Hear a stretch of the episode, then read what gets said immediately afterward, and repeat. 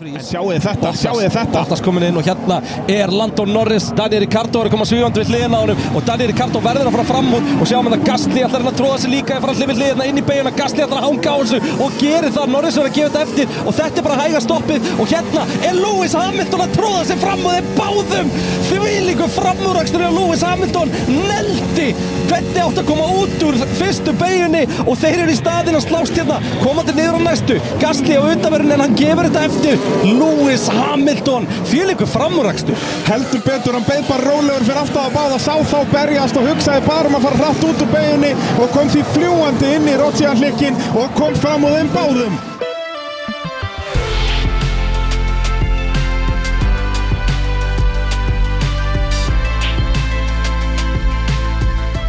Jú, pitturinn heilsar eftir ítalska kappasturinn djúvillig en Monsa geggju kappasturinn maður. Heldur betur.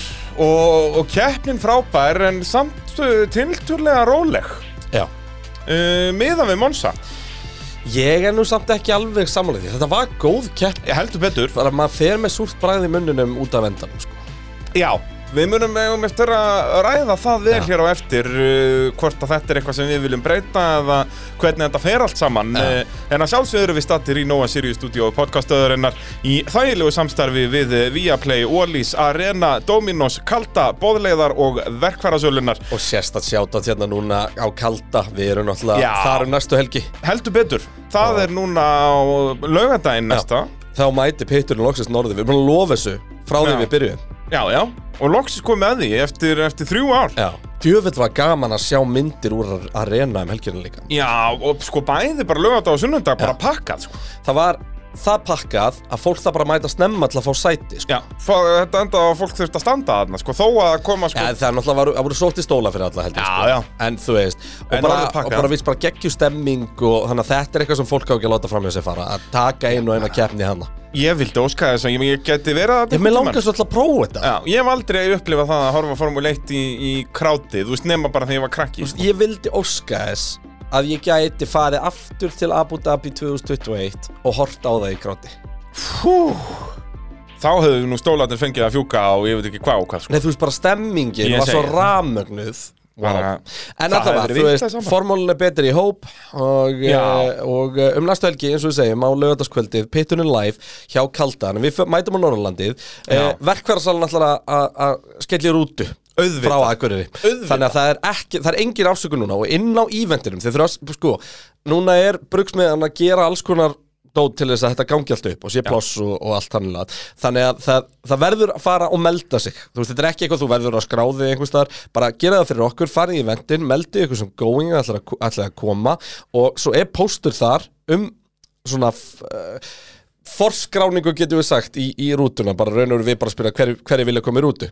Og, hérna, og nánar upplýsingar verða svo, svo sendar út um það síðan Já, þú veist, hvað, hvað hún leggur á stað og, og við er- er- verðum, við verðum að hendi sjáta á okkar allra besta mann Jóa fyrir norðan sem að hefur samband. Já, búm, ég vinn við að kera rútur mér langar að kera pitsrútuna. Ég ætla ekki að rukka neitt fyrir að bara reddi í rútunni og, og við, við hérna, græjum þetta. Þvílíkt sjáta á það legend. Heldur betur, heldur betur og Gætu ég að er bara Pit Crew Legend ból handa viðkomandi?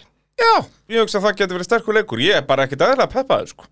Við ætlum að skella okkur í bjóruböðin Já, þú er búin að minna mig ansi ofta það. Já, Ég vakna alltaf á morgnana og það er bara svona hérna fimm dagar í bað. Mm.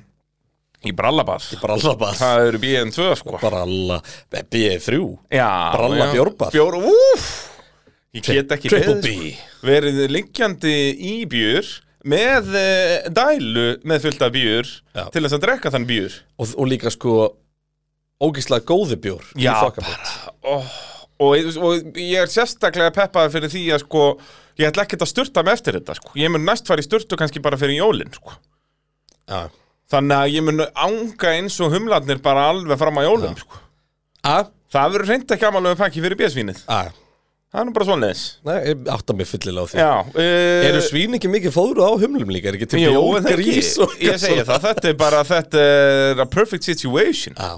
Það er nákvæmlega svoleiðis. Herri, hvernig er að hjóli í þessa keppni? Hvað erum við að fara að tala um? Erum við að byrja á að tala um uh, Þú veist, vá hvað var margt áhugavert? Heyrðu, Já, já, ég er búin á að setja þetta allt upp, Kristján, menn engar ágjör af því. En eigum við ekki að byrja á að Óska Alexander Albon góð spata því að aðgerðin náttúrulega misefnaðist ekki. Eða hún misefnaðist ekki en hann, er með, hann fekk einhver, einhver ónæmiskast af svæfingarlifjónum Já, og endaði alveg bara í öndunarvel já Varð allur fucked up og voru það þess að það voru lifin, þetta var ekki þannig að fekk ofnæmi Já, fyrir þetta- saumónum Nei, þetta er eitthvað held ég eins og ég skildi þetta þá, þá þú veist, er þetta í raun og veru þú veist það af fólki, þetta er mjög algengt þú veist, það, er alltaf tilbúið að þetta gerist þegar. Já, svæfing er annars Ég segi það, það var nelt á henni hérna- og eitthvað en hann sem sagt, já og, og ég veit ekki hvort að ég skil ekkert eins og það sé eitthvað tvísýnt með Singapúr samt sko. Nei, eða það er allavega þau orðaða ekkert þannig Nei. núna Hann er kominn sem sagt af Heim bara. heim sem sagt af Já. bráðamótungunni og allt svo leiðis en, en hérna,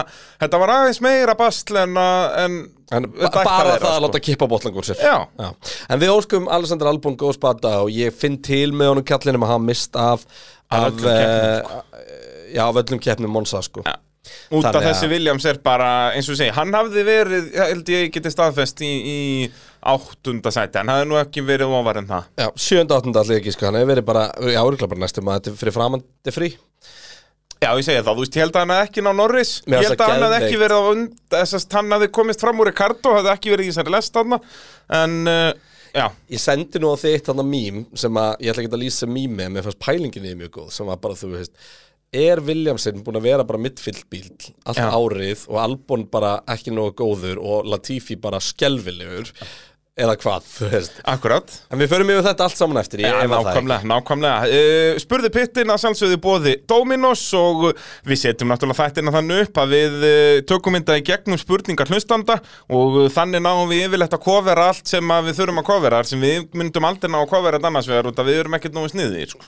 Jú, jú, við gætum það, við þýttum bara góðan, góðan sólar ringu undirbúning Já, ég skellti í, í bara Dominos veistlu í gær f- fyrir familíuna, mætti vopnaður þremur pítsum og bröðstungum og ég veit ekki hvað og hvað. Fóst í premium breyðstakindara og var hrókur alls vagnar, nei, bara basic. Ég, Cajun- Familíða mín er svo basic, sko. Cajun premium breyðstakindar Já, móði mín get ekki borðað það, sko. Nei, nei, en þær eru indislegar Já, ég hef ekki Jú, ég smakkaði þetta þetta kom fyrst, held ég En Þetta er- ég þurfti að eins og fara þetta sé djúbstegt sko, þetta er geðvitt Já, ég nefnilega er ekki mikill bröðstanga kall, sko Ég fann mér frekar bara fleiri slæsur, sko sko. Já, En Cajun premium er, er, það er málið. En það, við muna notum bara- kóðan pitturinn. Þetta er ekki flókið mál Nota kóðan pitturinn og þá er 40% staff Já, nákvæmlega, það er bara mega við gallardaga, það er bara svo leiðis.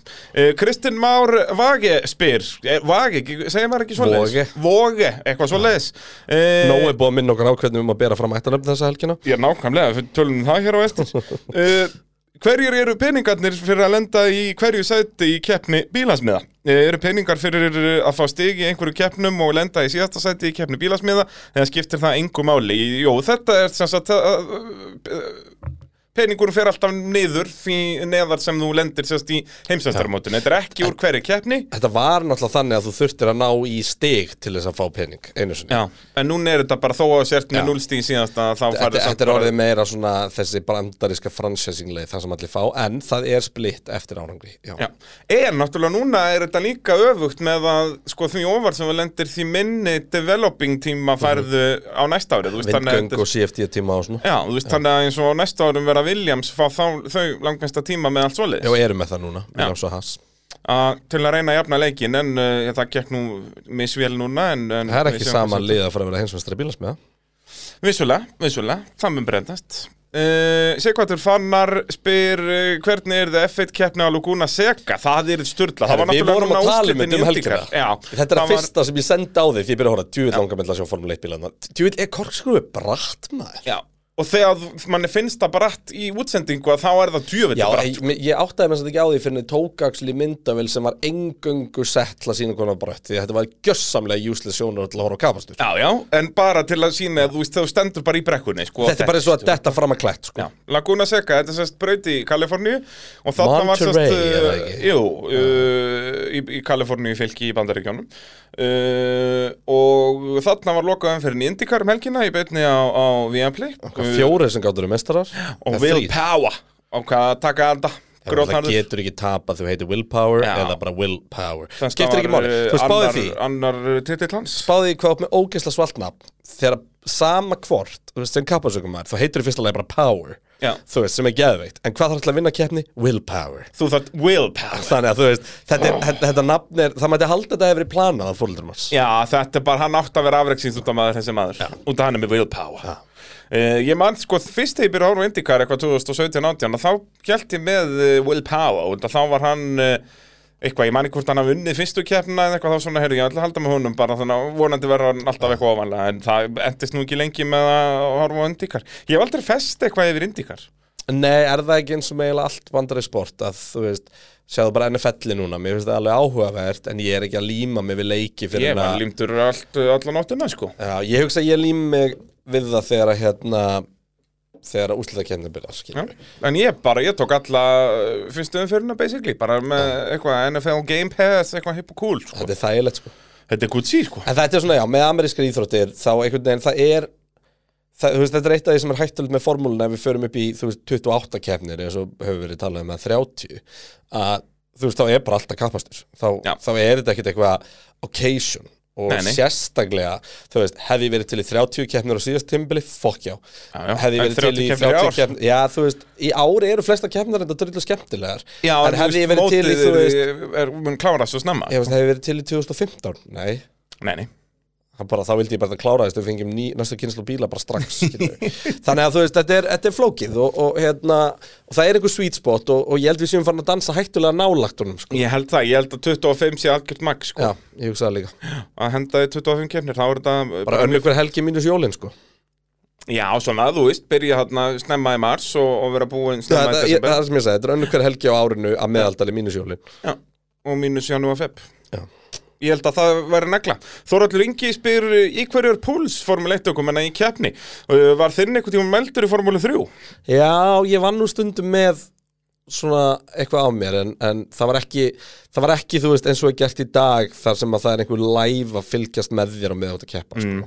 En hvað fyrir hann upp í? Er þetta bara eins og í... í... Ég sá þessa spurningu koma inn og ég reyndi eitthvað að rifja þetta upp Já, hann var alveg lær, lægri en þú heldur þú veist, það ert í styrluðu formi og þú, þú veist, þóttu þú sett að keira á adrenalinni þá ertu ekki þá ertu ekki að sko þetta er ekki svona, þú veist, adrenalin eins og svona fight or flight dæmi hérna, eða eitthvað þannig, það sem að þú veist, þú- þið líður að setja degja, því að þú veist, þú ert bara þú veist, calm and collected, það er sem að skipti máli Jep. en hann hækkar vissulega þú veist, þegar, þegar, frá því að þú stillir bílnuðinum upp og þá til að þú fer á stað en þá dettur bara inn í svolítið flow Já síðan að- náttúrulega tekur þetta að spæk skilur að þú ert í hörku varnarakstri eða að taka Já, fram úr eitthvað, spæki sko. svona ekkert mikið meira heldur en eitthvað 10-15 sko, Já. slug, þú veist Mér minnir þetta hafi bara, þú veist, verið bara svona góðu kardiopúls alltaf, sko, bara Já. í svona rétt rúmlega Bara kringum í, 100 í sko, góðu skokki bara Já. svona hérna akkurat, já Og síðan fer þetta kannski upp í eitthvað 115 Já, eða eitthvað kom, þú 120. veist, eða kom eitthvað svona kapli á braut eins og bara Silveston, þú veist, Maggots og Beckett's og eitthvað þannig Já. þá náttúrulega, þú veist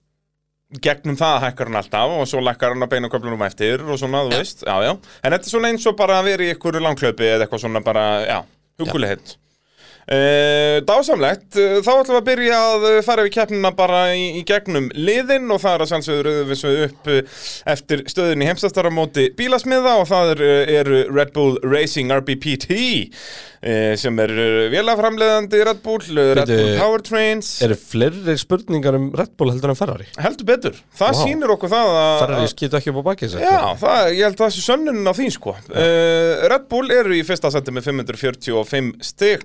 Max Verstappen ræsti sjöndi og það skiptir bara nákvæmlega engum máli eins og í undanfjörnum keppnum hvar maðurinn ræsir. Hann endaði fyrstur, Sergio Pérez ræsir 13. endar bara sjötti uh, og er því fallið niður í þriða seti í heimsvæstaramótinu eða sest, já, hann var jafn í, í öðru setinu Verstappen að- með 335 stig uh, Pérez með 210 Ég ætla samt að fá að, verið, fá að segja að Peri stóð sig vel á Monza í ljósi aðstana Hann tapar miklum tíma í, byrjun á, á dekkinu. Já, og, og bremsu staðfinu Það er mjög góða punktur sko uh, og var svo fljúandi eftir það en, en bara ekki alveg nógu fljúandi kannski. Og svo náttúrulega verður hann að taka þetta auka stopp hann og, og já, uh, gott sjátt. Uh, Viktor Stefán Björnsson spyrir mitt uh, þessi Reykjur Peres, uh, hvað gerðist? Hann leit út fyrir að vera átt og svo komin í upp í tíunda sæti fimm, ringjum á eftir. Þetta var bara ofittnum á, á bremsum eitthvað sem við sjáum alveg Já, svolítið mikið á þetta Monsa gerðist út af því að það var sprungið dekk. Það er svoleiðis? Ræsi með sl Bara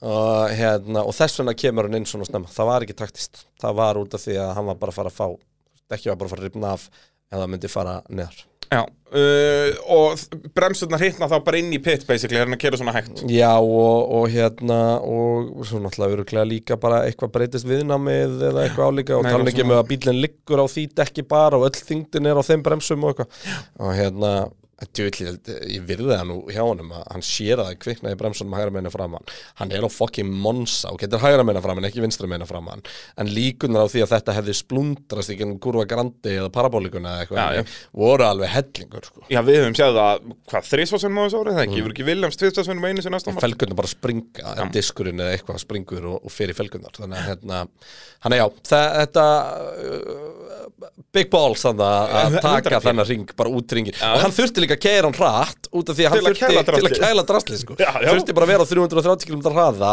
og reyna svo að nota bremsninni að blípti og hægt var til þess að ná þeim niður sko. Akkurat, akkurat, og svo stoppar hann náttúrulega aftur þarna, Ágúst Óli spyr, var stoppið á Peres ekki alfæri Red Bull nota hann sem alvöru nummer 2 til að taka hann hæðast en engin afleg klerk? E, nei, þetta var bara taktist, þess að hörðudekkin hafði ekki komist til enda. já. Það nokkuð? Nei, tekur þetta á bara áttundarhyggi eða eitthvað. Já, fer fyrst inn á aftunda og, og sérst, jú, þau hefðu kannski komist en hann hafði verið djövill hægur þannig að það var bara betra að negla sér inn á mjúku og sem var vissulega heppilegt líka er tókur hæðast að ringa af Leclerc en, Já, en og svo það ekki hann Svo græðir hann eina sæti sem hann hefði tapað á þessu auka stoppi út af því að Norris stoppar svo undir öryggisbílum sko. Já. Hann hann endar sjötti sem var maxið. En hefði hann ekki, ég held að hann hefði Já, þess vegna er að segja, þú veist, eina sæti sem var eitthvað spurning. Já, ég ætla nú að ræða það eftir. Ég er ekki viss um að Hamilton hefði farið fram á Norris sko. Hef, hefði farið fram á Norris? Já, var Norris á undan Hamilton þegar uh, Ég mástu öryggisbíllinn- þeir skitu í pitstoppinu Þannig að Norris fellur aftur. Kom, Hann kemur út fyrir aftan Ricardo og Hamilton og eitthvað hann að Já, já, ertu að tala með þeir, þeir gott stopp þá hafði hann verið að fyrir fram Já, með, með liðsfélag á milli sig Já, en ég heldur að Hamilton hafi ekki komist fram úr Já, Nei, Bensin var ekki fighter þannig að hversu lengi var Hamilton bara að vinna sig upp meðan við Sainz til dæmis í byrjun? Já var lengur Það en, var rosalega en, lengi. Já, já. Og hversu lengi sáu við Williamson nei, sáu við Gastli og þá elda Ricardo? Gastli bara þessi Alfa Tauri, guð minn fokkin almáttur Nei, þetta var einn besta helgi Alfa Tauri í mjög langan tíma þannig að ég Já, held að það var bara engin rosa- endarhæða þarna. Jú, bara endur henni maklanum var fáranlega góður. Já, þú veist, bara í því, þú veist, þó að hann var með DRS og Ricardo ekki með DRS, hann komst ekki fram úr ring eftir ring Nei, og svo þegar hann loksins tekur ok, við erum alltaf fann að tala um þetta eitthvað allt annað en svo loksins þegar hann tekur dífuna, þá overcookar hann það Já. og þú veist og þá missir hann Tapar aftur út í DRS sekúndu, já, og þá eru dekkin hans að byrja að fara sko. þannig að, þú veist, algjörlega Gasly gerði allt sem hann gatt og, og hérna, hann sagði líka eftir keppnina, hann myndi líklegast hérna, Afturvagnum hjá Ricardo Ricardo aftur endarum sko.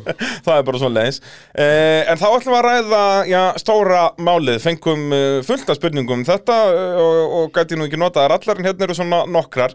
Uh, Korína Elisabeth spyr hefði ekki átt að rauðflagga? Hvernig þetta komið út, þarf ekki að endur skoða reglugerina þarna? Og Runolfur, Óli spyr er ég svo eini sem að er uh, kom með, eh, komin á Bring Back Massey vagnin og Ingólfur Már bætir svo við eh, er ekki skilda að rauðflaggakeppnina þegar að björgunutæki þurfa að fara inn á braut. Byrjum á Ingólfi, nei það er engin skilda þetta var mikið gert í fyrra og það var bara raunin ákvörðin hjá Fía í fyrra að vera duglegri með rauðuflöggin Já, alls ekki þegar björgunartæki eitthvað fyrir inn og það þarf, þú veist. En sko, þetta er, ef við byrjum bara að tala um en öryggsbíl, þetta er mjög óheppilegt að ég komi keppn aftur á stað. Eh, það voru sem sagt ekki beint vandamál. Uppalega þá ætlaði að íta bílum tilbaka. -hmm. og það átti ekki að vera neitt, neitt mál. Um, en svo var ekki hægt að íta honum þannig að hérna, það þurfti að kalla til skotbómuliftaran Já, það var mikið talað um þetta, við tölum um traktorinn ekki Já, skópumiliftar veist, þetta er bara samheiti yfir þetta allt sko Ég elska Þetta þetta kalla, kalla traktorinn og hérna og um, traktorinn eða eitthvað annað Þetta var skotbómiliftar, við viljum ekki tryggja að fólk hérna líka sko. Nei, nei. uh, Allir Björgun bændur landsins voru brjálæðir sko. Þe- sko mega ekki fara út af brautina fyrir að öryggisbílinn múin að pikka allir upp Já. öryggisbílinn pikkar upp vittlust á manni byrju, Já. hann pikkar upp rössal og það gerist bara út af því að þeir missa verðstapun Já, og það þarf að fara heilan hring. verðstapun það að vera heilan ring en þeir verða til þess að geta byrjað að hreinsa brautina, að pikka einhvern upp þannig að rössal er pikkaður upp þannig að þá, það tapast bara þrý ringir af mögulegri björgunagi þótt að, þótt að þú veist, traktorinn sé mættur á réttan stað tilbúin að fara til brautina. Hann bara má ekki fara út af brautina með að vera kjörrat og það er náttúrulega bara einfallega uh, eftir banaslist Jules Bianchi á, á Suzuka árið hvað 2013 Nei, 16 var það 2016? Nei, það var að 15 og hann deyr 16 Ég Já, gleyma alltaf orðtalinu.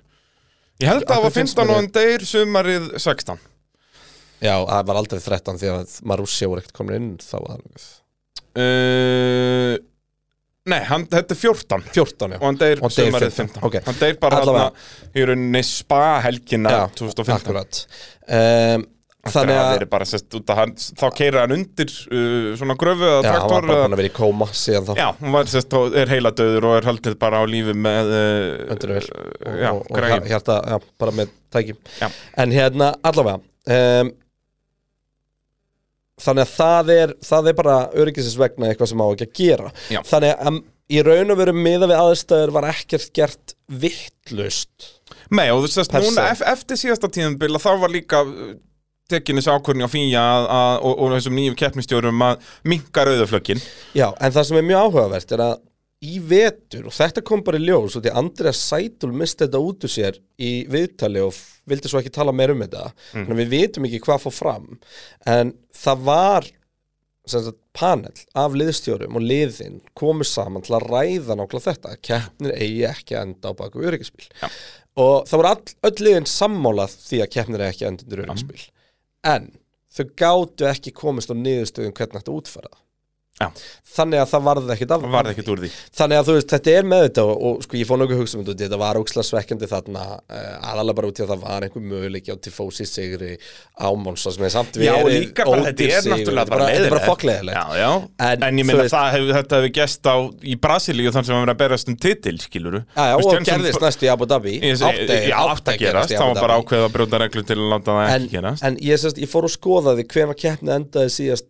á baku öryggsbíl Mhm.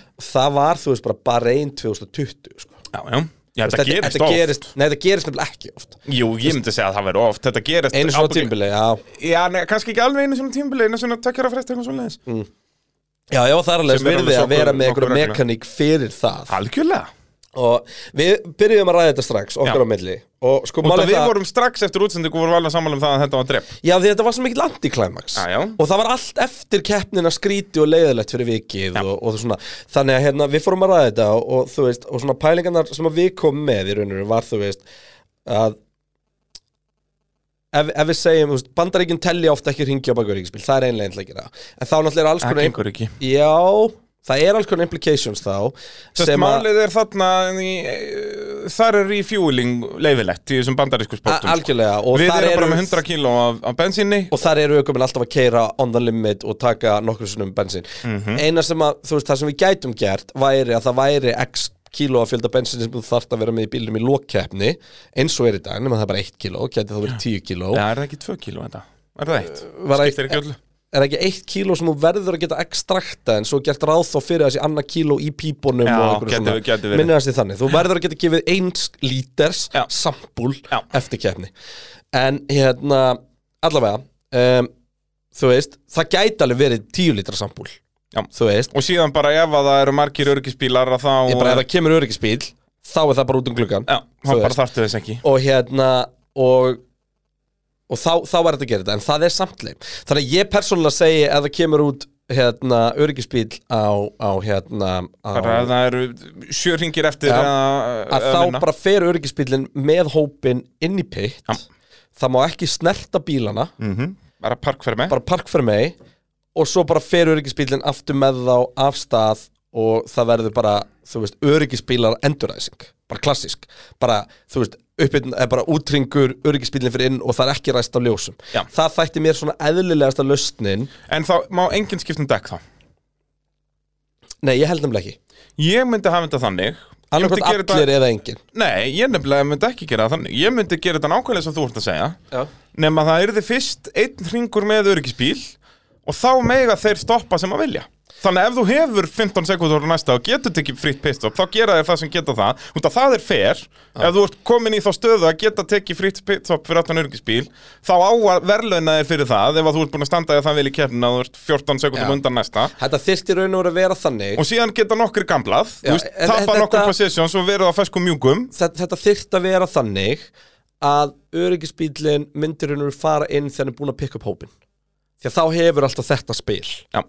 Þú veist, ef að Max til dæmis á Monza öryggisbílinn er, hefði átt að pikka hann upp hann er við endan á pittinum þá hefði Max geta farið inn, komið út úr pittinum og farið á bakveð skilur, þú veist, það hefði verið þetta má ekki, og ég er algjörlega samanlega að þetta má vera fljúandi start, ekki standing start. Já. til að út af þetta, við meðum ekki fara oflant í hináttina þetta má ekki vera gimmick Já, sko. það eina sem við erum að gera þarna er að passa upp á að tapa ekki lokarhingjunum og ekki kemur- gera þetta mjög ósengjart þetta er vissulega ósengjart fyrir það sem er að vinna ef hann er með fórskot Já, en öryggisbíl En- hefði hvort þeir verið það sem Ég, hefði svo farið inn í það sko, og lokarhring, þetta er bara það er partur á motorsporti sko, en bara ekki hafa þetta þannig að allir með að skipta um dekk og standing start skilur þetta vera vennilegt rautt flagg. En punkturinn er bara sá að hérna þarf að vera regluverk Mhm. sem að virkar alltaf sama hvað og er alltaf.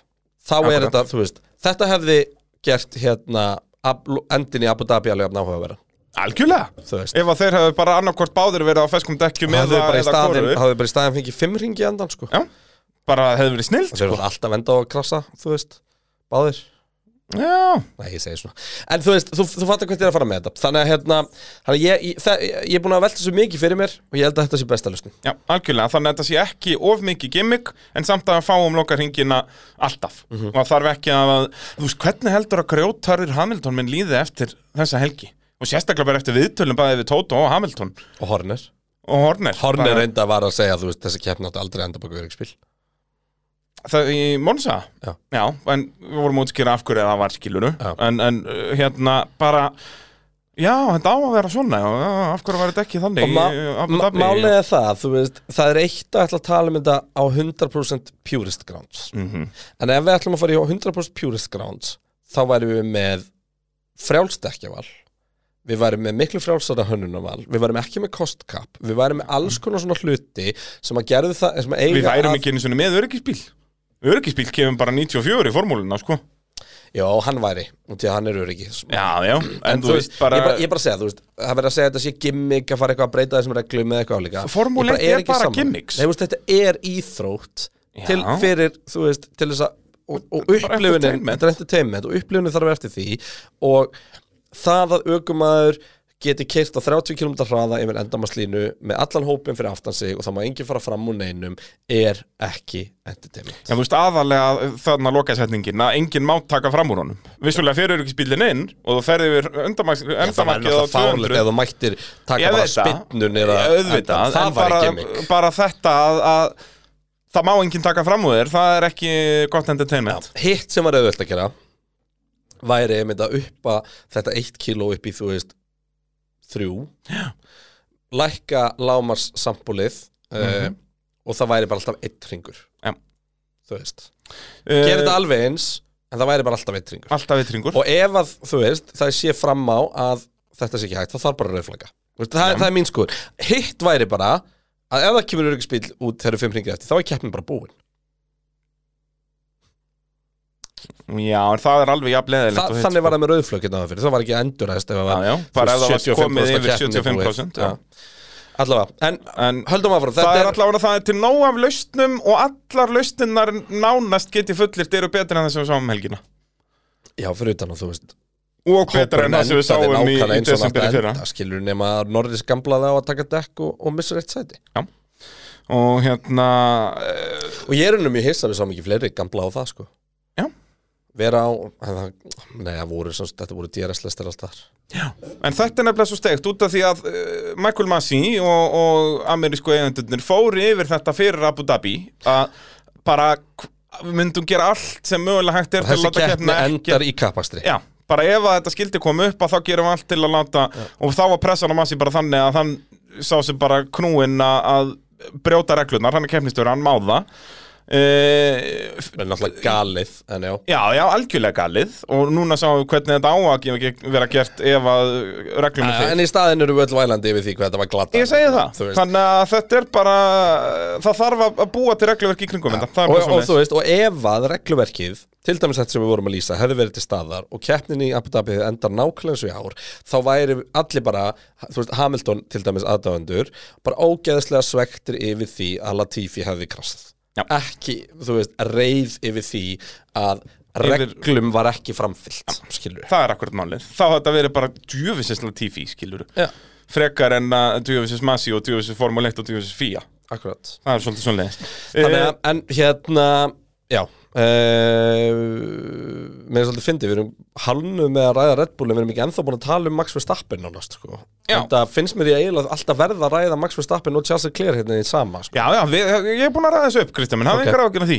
Uh, Ívar Máni spyr uh, að kemur með störtlaða staðurinn sem ég elska. Uh, að Monsa álögin halda áfram. 2009 vinnur Leclerc og- 2019 Uh, 19 vinnur Leclerc og dettur út 2020 2020 vinnur Gastli og dettur út 21 2021 vinnur Daniel Ricardo og dettur út 2022 þannig að það er ekki fræðilegur að Maxi að fara að klára þess að kærna næsta ári. Nei, nei, það er bara svo 100% það er, og líka bara störtla að það hefur enginn tekist að verja Sigur sem bara fyrir síðan Hamilton árið 2017 og 18 sko, á Monza.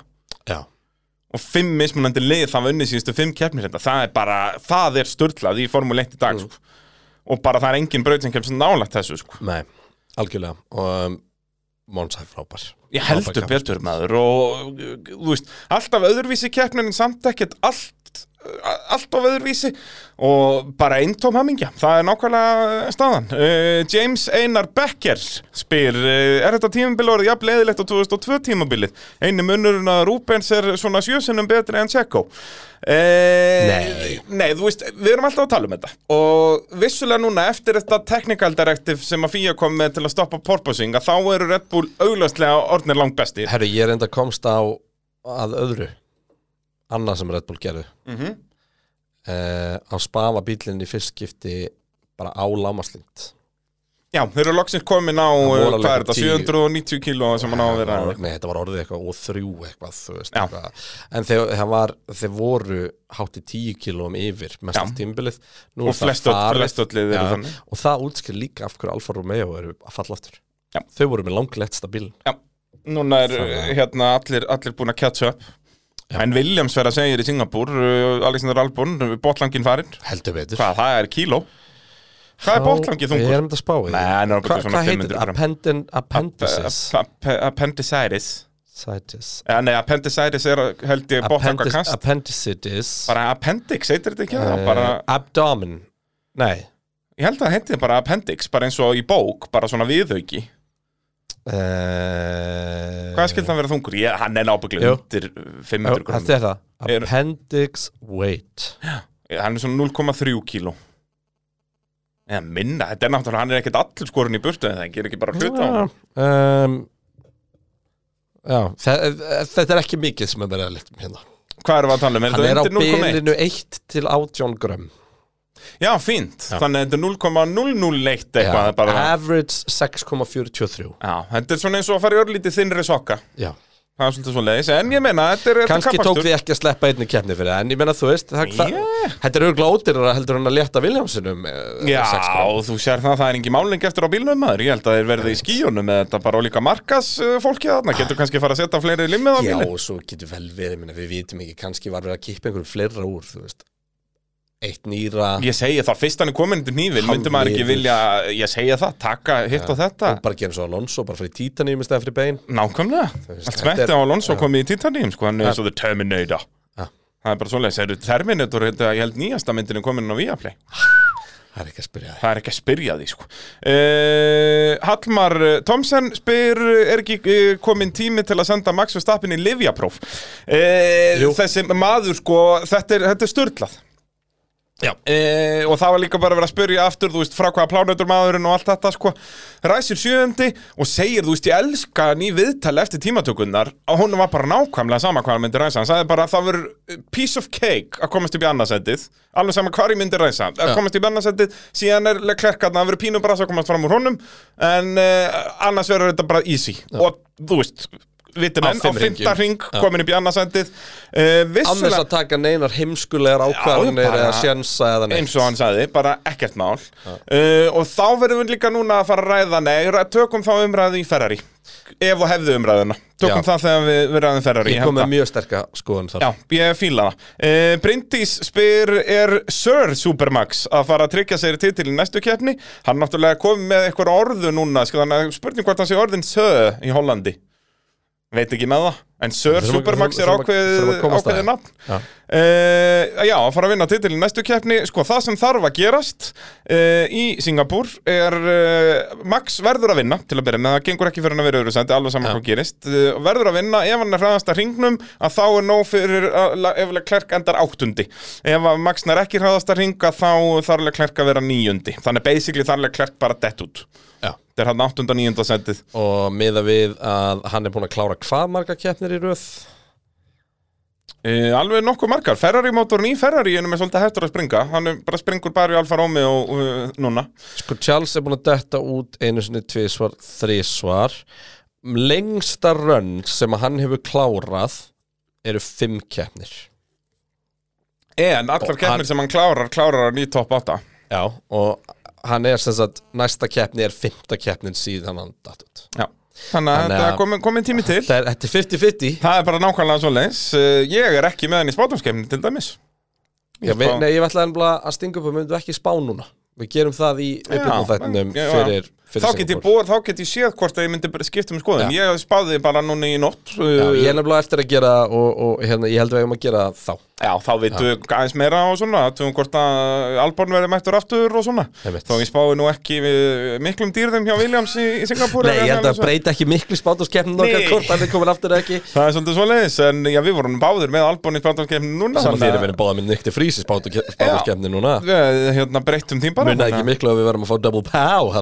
Saman þannig fyrir að- við erum báða með nýtti frís í spátuskeppnin núna Við hérna breyttum því bara Munna þannig ekki að- miklu að við verðum að fá double pow hana E, já, það er bara munnað einu sæti. Við förum e, yfir það allt saman hér í lok þáttar.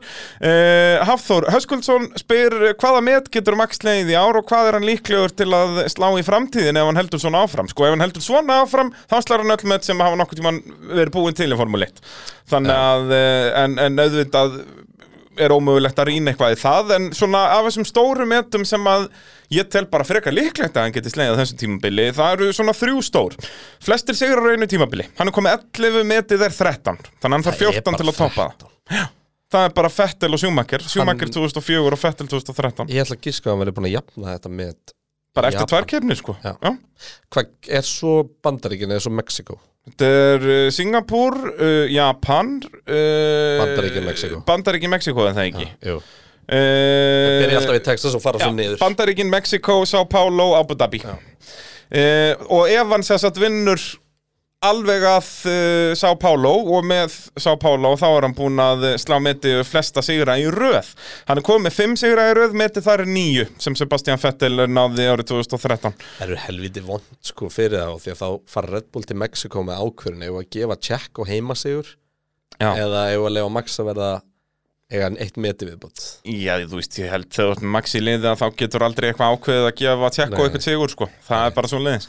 Uh, svo flest stig á einu tímabili, hann er komið 335, metið þar er Lewis Hamilton árið 2019, 413. Það styrla að hann geti bætt það en samt sé hann að slá meti yfir að hafa snúið við mesta forskoti sem nákvæmlega. hefur verið með Það Það, það er störtla, það hefur aldrei neitt unni heimsæmstaratitil eftir að hafa orðið jafnmörgum stigum á eftir og Max var eftir þrjárkeppnir núna. algjörlega galið En sko, hvað eru marga keppnir eftir? Sex?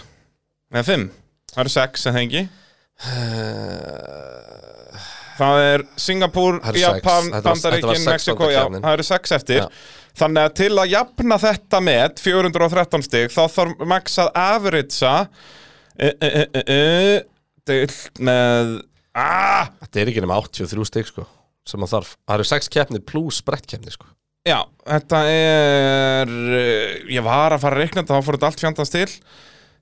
Deilt með 6 Þetta eru hann sjö- þarf að averagea 13 stig í keppni. Já, sem hann er að fara að gera Já, hann er annarkvort fyrstur eða annar í öllum keppnum þannig að það er, þetta er bara ekkert mál. Þannig að hann er að fara að toppa þetta met og, og fleiri. ég held að eina meti sem hann nær ekki af þessum eru í röð. Í röð. Já. Eða, það er bara svona 50-50 eiginlega samt. En hérna Með við rönnið sem hann á núna. Já, bara, bara fjóra sigri röð til að jafna það að, eh, já, helviti gott. Uh, Þetta er að sjálfsögðu allt saman í bóði Kalda bjórböðin fyrir norðan Og uh, þar uh, erum við kreinar að fara að baða okkur saman. Allt í mynda sjálfsögðu fyrir okkar allar besta fólkin á peturum.is Þátturinn allir í hendikinn þættinu bara í þinguinn á sunnudeginum. Geti hugsast. Ég er eiginlega bara spenntari fyrir sunnudeginum heldur en lögadeginum sko. Brandurinn elskar góða þingu Já, en heldur hann ennur að þunnur með að ofverka mér. Nei, reynda það er eina sem skemmir þetta. Þetta brallin elskar vill bara vera í komfortzóninu í, í þingunni, sko. Þannig að gæti verið að ég þurfi bara að Bara taka flug heim um morgunin og Já, eða, nei, eða eða taka auka bara- nótt og senda mig heim og fljúa heim daginn eftir bara. Nei, ég hugsa ég verið bara eh, steer into the skid, sko og bara fá mér afréttar á sunnudegin Svo það, jú, það er sennilega betra Ég hugsa það, bara að þú ekkur heim og brallin verður léttur, bara sko. áttu mánudaginn bara útaf fyrir þig. Já, sem er bara dásamlegt, sko Og vera Takk. bara vel, eh, vel lítill í mér á mánundegi Hljóm, Hljóma bara eitt svo gott plan sko. Ég held það, að vera bara, það voru jafn mikið stuð á mér á heimleiðinu og á leiðinni norður, sko. Já, Við getum þurft bara, ég legg til að við tökum bara live stream á Instagram bara á bara norður. þurft dræfur Þannig ég geti bara verið með því. Já, við varum bara aftur í bara löðrandi léttir Það verður rosalegt Herru, höldum áfram Það er svolítið svoleiðis, já, náttúrulega í, sambandi við þetta spyr uh, Baldur Freyðberg, sko, eða hann vil minna á að nota verjur í bjórbúðunum, kynþokkja uh, af bralla er það mikill að það er allt mögulegt, hashtag velspengilegur. Hashtag vel Já, þetta, ég vil Láttu bara- það trenda Já, ég er svo mikið í mínum næsta Instagram post að fara að nota þetta hashtag. Ég elska þetta hashtag, Vel velspengilegur. spengilegur. Jafnvel með, sko, þremur yðum. Vel spengilegur, sko. En, uh, já, ég kem með verjur fyrir kreinarinn, hafði engar ágjör af því, að, hérna, uh, svo að þetta fari nú ekki allt, allt forkurðum hann hjá okkur í, í, í böðunum. Já Þú er mjög peppar fyrir þessu að uh, fara á penisnum í, í bað með brallanum. Alltaf langað í bjórböðin Já. Ekki þessum aðstæðum Hvað er aðeins? og líka í mynd, sko Já. Við tveir menn með skuggaleg tits Þetta verður veistla, sko Þetta verður bara, ég get ekki beðið, sko Indislegt oh. Eh, En hver á mest skilið kaldan eftir kefni? Sko Við, við erum oft, sko, förum fram og tilbaka með þetta. Stundum er Já. þetta sá sem stendur sem vel Stundum sá sem stendur sem illa. Sko Ég myndi segja að, að það er auðvildast að segja nýtt í frísina. Já, og hann var líka búinn á því, sko. Máli er bara Það er bara einn maður sem þarf hann meira. Ok, Það er Niklas Latifi. Bara skála fyrir Já. þessum ferli Þetta er bara búið þetta er búið, þetta er búið spil Þetta, núna. bara, þetta var síðasti naglin Já, á er það ekki? Hann þyrfti í Hann raun alveg meira þetta en eitt, sko. tímabil og, og, og þú veist. Hann þyrfti 22 Hann þurfti bara að drekka baðið eftir okkur. Ég held það, já, sippa því í sig. Já. Er, er áfengi í því sem að maður baða sig? Við erum að fara að komast að Er maður að fara að detti að svona, hérna, svona- Rón, Nei, rónatrykki var hérna að, að svona gera papercut á svo að helli það Já. en maður átti bara nokkur dropa sko, Já. þetta að fara beint inn í blóðið sko, held að virki ekki.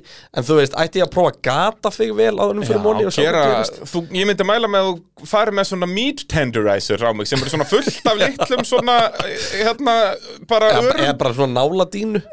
Senda þið nálastungu bara fyrst. Já, byrja í nálastungu, skella mér í bjórbað og vera orðin eh, vel Já.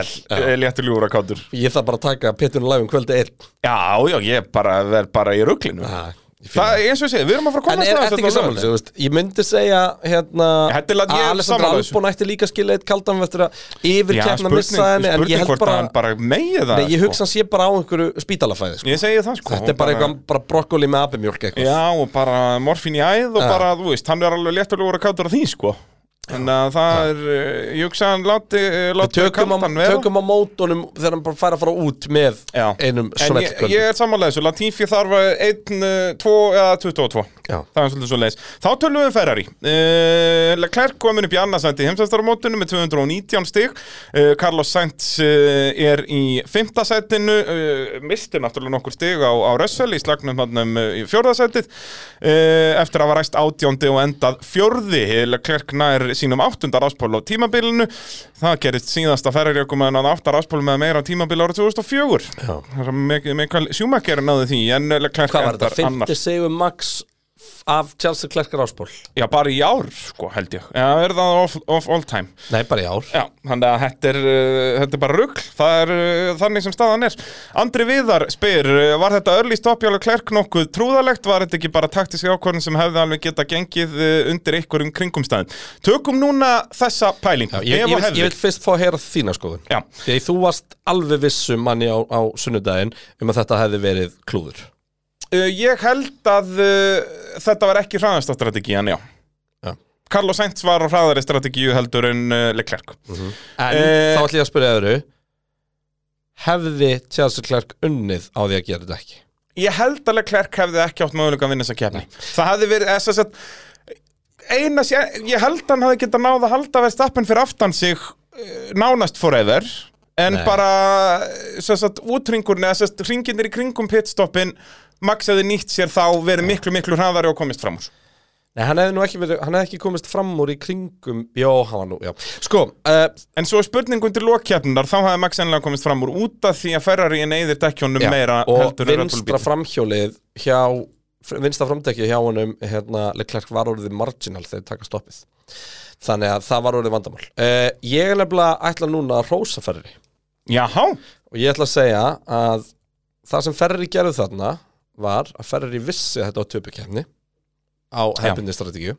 Uh, annars sæti var það besta sem að Ferrari gatt vilja og það var 100% líkur á því að hann myndi tapa ef að hérna þau hefur bara, bara stoppað á sama ring eða whatever, skilur, meira stótt að Max eða ekki nú endur kvötan, það er Max farið fram úr já það hefði verið bast fyrir hann, hann, hann hefði náði undir lokin hann hefði gert það, hann hefði unnið. dekja, dekja Já, advantage. og hann hefði örgulega gert það í undirkötti eða ókötti, Já. hann hefði unnið. Í, í kringum pitstoppin var, var hann séns. En þú veist það var ekkit auðvelt að ekki fram úr gleyma því þessu að hraðin sem við sáum hjá Max Verstappen alla keppnina var Max að passa upp á dekkin sem fara til enda Já. og samt var Leclerc valla ná að loka á hann Já. eftir setna stoppið.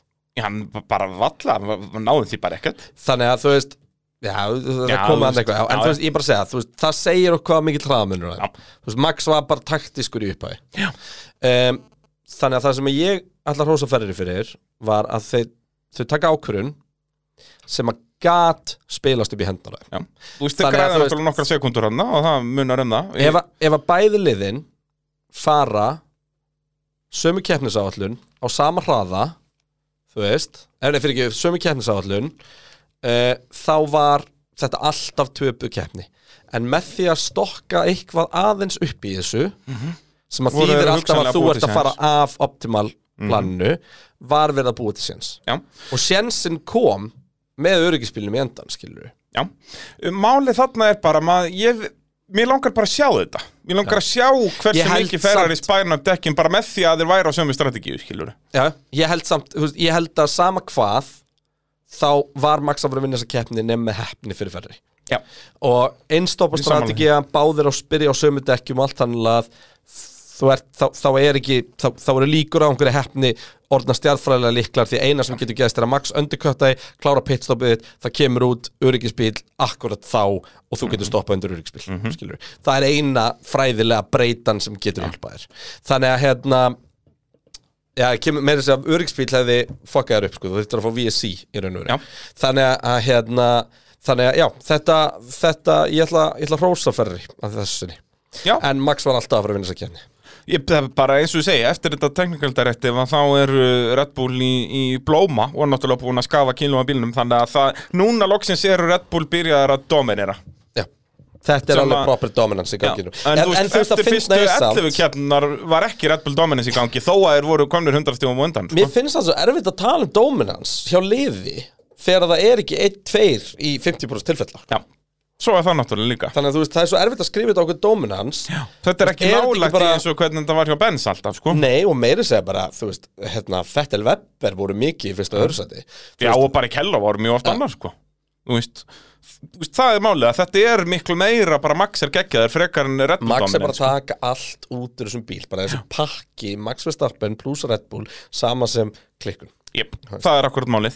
Uh, Einar Sigurður spyr af hvernig að Carlos ekki að sækja á Russell meðan við startið þá var helviti góður hraði á honum. Já, þá var líka bara helviti góður hraði á hans sem Mercedes hann fyrstu Russell, sko. já, þú veist, hann var á, þú veist, ringtími Mercedesins var mjög fín Já, þú veist, það var bast fyrir að komast fram úr og endarhæðin var ekki mikill eins og Hamilton síndi en uh, sérst, lapptæmin, þú veist, annað eh, sektorið var bara rock solid, sko. Sæns frábæri þessar keppni. Geggjar í þessari keppni, er úr besta átjönda sett keppni upp í fjórða. Það er einn besta keppni sem ég sé frá Sæns Já, ég er bara gúttir að það sko. Svona ein af þeim. Hún kemst í svona, ég veit ekki hvort hún komist í topp 5 En 100% topp 10 Já, ég er ekki hérna að halda því fram að þetta sé besta keppnin Nei, nei. hans, en þetta var Ein af þeim. veist, þetta var, þetta var keppni sem að, sem að Carlos Sainz átt að fara frá með meira heldur en fjóra Hann átt að fara með eitthvað klingur frá, þú veist, miða við Já, það sem hann setti inn í hana. sko, Já, já, akkurat. En, en eins og segi, Russell bara rock solid þarna í, í þriðansendinu Uh, Svanur Ólafsson spyr er ég einnum það að finnast ítölsku páskaungarnir? Ég elska þetta neiknum á uh, gulla ferrari menn. Uh, hafið sínt Max Dónaskap með þessu púi sínu held að þessir ítölsku mömmustar okkar ættu kannski að gera þessi í brók og pröfa að standa sig betur einu sinni. Geta nú bara skrifað allt klúður á sjálfan sig. Nei, ég minna ef þetta er eitthvað disrespect að þá, þú veist, Max stöðningsfólkið er nú alveg ja, mikið í þessu sko, og svolítið- Hamilton stöðningsfólkið og bara allir sko. Hafði svolítið gaman af því að Benotto kom út og sagði, nei það er ekki verið að púa Max, það er verið að púa Fía. Já, í endan, ég menn Já. það var, þetta var líka gert eftir tímatökur, sko. Já, ekki að mikið. Nei, nei, en það voru líka bara tímatökur. Og Leclerc og Pól. Já, já, já. En byrju, af hverju var, það var, Max var spurður að þessu fyrir kefnina, samt Hva? Hvenær hann var það púað á hann? Það var púað á hann, það var bara miklu, miklu minna eða Já. þá, eða þá var hljóðið var bara einhvern veginn öðru sem við heyrðum það miklu minna Já. Þú veist, þegar Max Verstappen lappaði út á pallin var alveg bara brutal Já, pú, sko en ég minna alveg eins og bara eh, ef að Hamilton er sandvort í fyrra og þú veist bara eð, og eh, hérna Já, með, eh, bara 100% rétt og bara fagnað þegar hann krassaði Östuríki og allt þetta. Þannig að þú veist, ég er ekki, ég er ekki hrifin að þessu, mér finnst samt allt svona hlut af íþróttum Já, Þannig mér að- finnst þetta skrítið þegar að, eins og þarna, Max bara búin að vera að gegja ára að vinnum keppnina bara fyrir en skver Vissulega þarna Ég held bara að allir verið svektir þarna á brautinni á þessum tímapunkti út af því að öryggisbílinn kemur út og þá Já, er já. allt í einu einhver kler möguleiki Já, en sko málið, ég myndi, í eina skipti sem ég myndi púa á ökumann er ef að mér finnst hann hafa gert eitthvað rámt. Já. Þú veist, ef ég hefði verið grjótarður verðstappenmaður á Silveston þá hefði ég púað á Hamilton. En svo skaltu ekki glema því að þú ert þarna innan í um hóp Já, að, já, uh, þú veist, 300.000 manns og allt í henni er einhver hópur sem byrjar að púa og þá er bara, þú veist, þetta er bara, þú veist einhver starf, allir byrjar að klappa þá klappar þau bara, þú veist. En ég er alveg sammálaðir, en mér fannst þetta ekki mér fannst þetta ekki bara basic, til fósi sjá Já. ekki uh, gulan páskaðunga þarna fremst og, og eru bitrir. Þetta er, Mér fannst þetta ekki eitthvað til þess að gera málur og, og, sérstaklega ekki eftir allt sem undan hefur gengið með sko, þú veist, í áttina að- að Hamilton í fyrra og þannlega sko, enda og hann sagði það sjálfur, bara gæti ekki verið meira Já, saman. ég hugsa að Max er svona típa, hann er svo mikill fantur sko, Já. að hann fílar þetta bara Já, bara þetta er bara bara áfram. Bara, eh, þú veist, eh, bara if they love to hate me bara, þú veist Já, þú veist, ef hann væri með örlítið meiri karakter, ef myndi sína karakterin sinna hans betur, þá hafði hann hendi bara svona eins og maður sér í fótboltanum, bara svona sett henduna fyrir aftan eirað, bara svona, hvað segir, liði púa þess herra Ja. þú veist, bara, komið alvöru stæla ég, ég, ég, já. mér er svo leiðilegt að það er, það er engin svoleiðis kall í Formule 1 Það var orðið pínu fyrra, Hamilton og, og já, þú veist, Verstappen samt skilur alltaf svona þegar þeir voru í, sviðsljósinu, þá sá við aldrei neitt, veist, þetta var bara á brautinni, sko. Ég held að mest best lýsandi dæmið er hvernig þú lýsti ungum Fettel Það er mjög lýsandi fyrir Formule 1 karaktera Það sem að þú ert alveg brjálaður in the moment og svona dót en svo Já. nei, ég ger ekki neitt og, og þú veist allt þetta og, og, Mér finnst þetta vanta svo í þetta sport, Já, sko. ég veit það, ég er sammálaði En þá, þá myndum við íkja þetta allt veist. Já, já, algjörlega og bara, hérna- þá bara,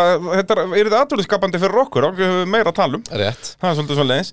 Uh, Pitturinn að sannsögði þægilegu samstarfi við uh, Bóðleið og það er alltaf uh, já, bestu ökumæðurinn sem endaði ekki í topp þremur. Uh, Svo umræða sannsögði bóði Bóðlegar og ef að þú þart uh, já, símkerfi og netþjónustu eða tekniþjónustu eða bókalþjónustu að þá hefur samband við Bóðleið. Þetta er ekki flókið mál. En bestu ökumæðurinn ekki í topp þremur, það er í rauninni bara tvö mjög góð sjátt þarna. De Vries. Uh, nei, mér finnst ekki að bætt tveimur við på þannig sko. Ok. uh, Norris sem að átti að eiginsögn bestu keppni, bara eina bestu keppni fyrirlisins mm Mhm. um, munurinn er bara sá að bílinni fyrra ræsir þarna á eina bestu keppni fyrirlisins í fyrra hefði það þýtt annað eða þriðasæti Mhm. en í ár því það að falla aftur og, og svo náttúrulega bara kúkaði liðið á hann með þetta pitstop og, og, og svo er hann látið taka auka pitstop skilur við þannig að hann fellur aftur en Já, hitt sjátið hitt sjátið sem ég finnst impressive er hérna er uh, Gastli bara að- koma þessum bíl Mhm. áfram í ykkur stig. Þetta var fín keppni í honum en það var ekkit var í hana samt. Þannig að uh, þetta verður að vera okkar bestu maður Nikti Frís En það ekki? Jú, þú veist, auðvitað. Við vorum að tala um að Sainz átti eina bestu keppni félagsins Já, já, en þú veist, En- Sainz er á ferri sko Já, og þetta bara Nikti Hann á bara ekki að vera Sainz sko. á aldrei að vera í umræðin um bestu ökumæður fyrir neðan topp 3 sko. Já, ná, já svo, svo fyrir utan það Þannig að hérna, þetta Þetta verður að vera freestyle- hollendingurinn sko. Já, Það er bara svo saga sko. Við förum betur yfir það náttúrulega lók þáttar þegar við tölum um Hann Williams fyrsti hjálp upp úr bílnum, hann var svo búinn á því sko. Já, já, náttúrulega hefur ekkert verið að keppa Þetta var fyrsta Formule þetta 1 keppna Svo Formule ekki 1 dýninu, ég segi það hann ekki í Heppins neinu að það Formule- Monza Já, við, eins og segja, við tölum um þetta allt saman hér á, á eftir eh, þessa, þessa ævintýra helgi fyrir hollendingin. Uh, Mercedes er í þriðasætti heimsvæstaramótsins með 371 stig.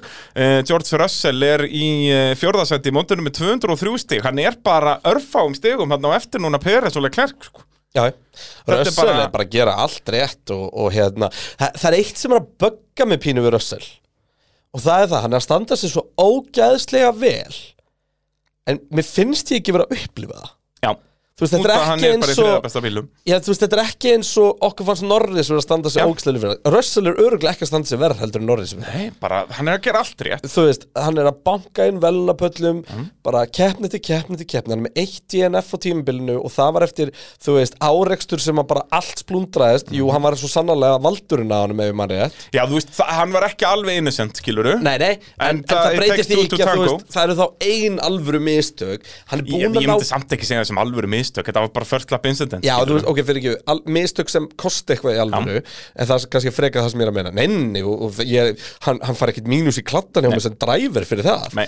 en það er eitthvað við George Russell sem gerir það að verkum að ég get ekki peppast með honum, Já, fattar mig? Já, þú veist líka út að þetta er bara annað og þriðasætt alltaf, sko. Já, Þú veist, ef hann væri að berjast um titilinn, þú veist, þá væri þetta kannski annað og við Jú, jú, við peppuðist massíft á bakviðan þegar hann tók pólinu Ungverðalandi og, og allt þetta en, sko. en þú veist, mér, þú veist, það sem er svo pyrrandi einhvern veginn, hann er einhvern veginn að gera bara 100% í hverju einustu keppni og það er bara gett áhugavert þannig að hérna, já, þetta er, þetta er þú veist, uh, ég, ég þarf að gefa honum meira kredit og hérna Russell er, er, er að mínum að svona fyrir utan bara Max Verstappen uh, örgulega besti aukum að tímabilsins sko.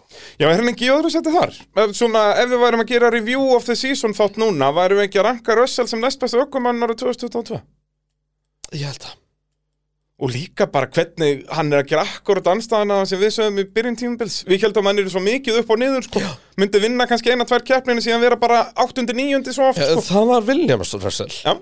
En Hann er núna er bara- bara ekki neitt, sko. Djöfull held ég að sé pirrandi ef það fyrir að festast við manni hey, Mr. Consistent, eitthvað, það er ekki Það er Það svona er ekki töff, sko. Nei, það er eins og að vera krút Þú Já. vilt ekki að vera kallaði krút af stelpunum sem átt skotinni, sko Bralli vill, Ekki af stelpunum sem átt skotinni ég bralli vill vera krútlegur. Já, ok En þú, þú fatt ekki að ég meina, Já, þetta er svona, þetta er, þetta er sústemming, sko Algjörlega. Þannig að, að hérna, að, að þú veist Já, uh, en hann er ógæðslega góður og, og hann Já. er alltaf að sína okkur meira og meira að hann sé heimsmeistarefni, sko. Heldur betur og ja, hann er með sjöfaldan heimsveistaran hliðin á sér og, og hann er Grjótarður í fætt heldur betur, en samt einhvern veginn svo, bara yfirvegaður. Já, hann er svo það er svo svo effortless, þú veist, það er ekki þetta þú veist eins og Max er ógeðslega yktur í fætt Já.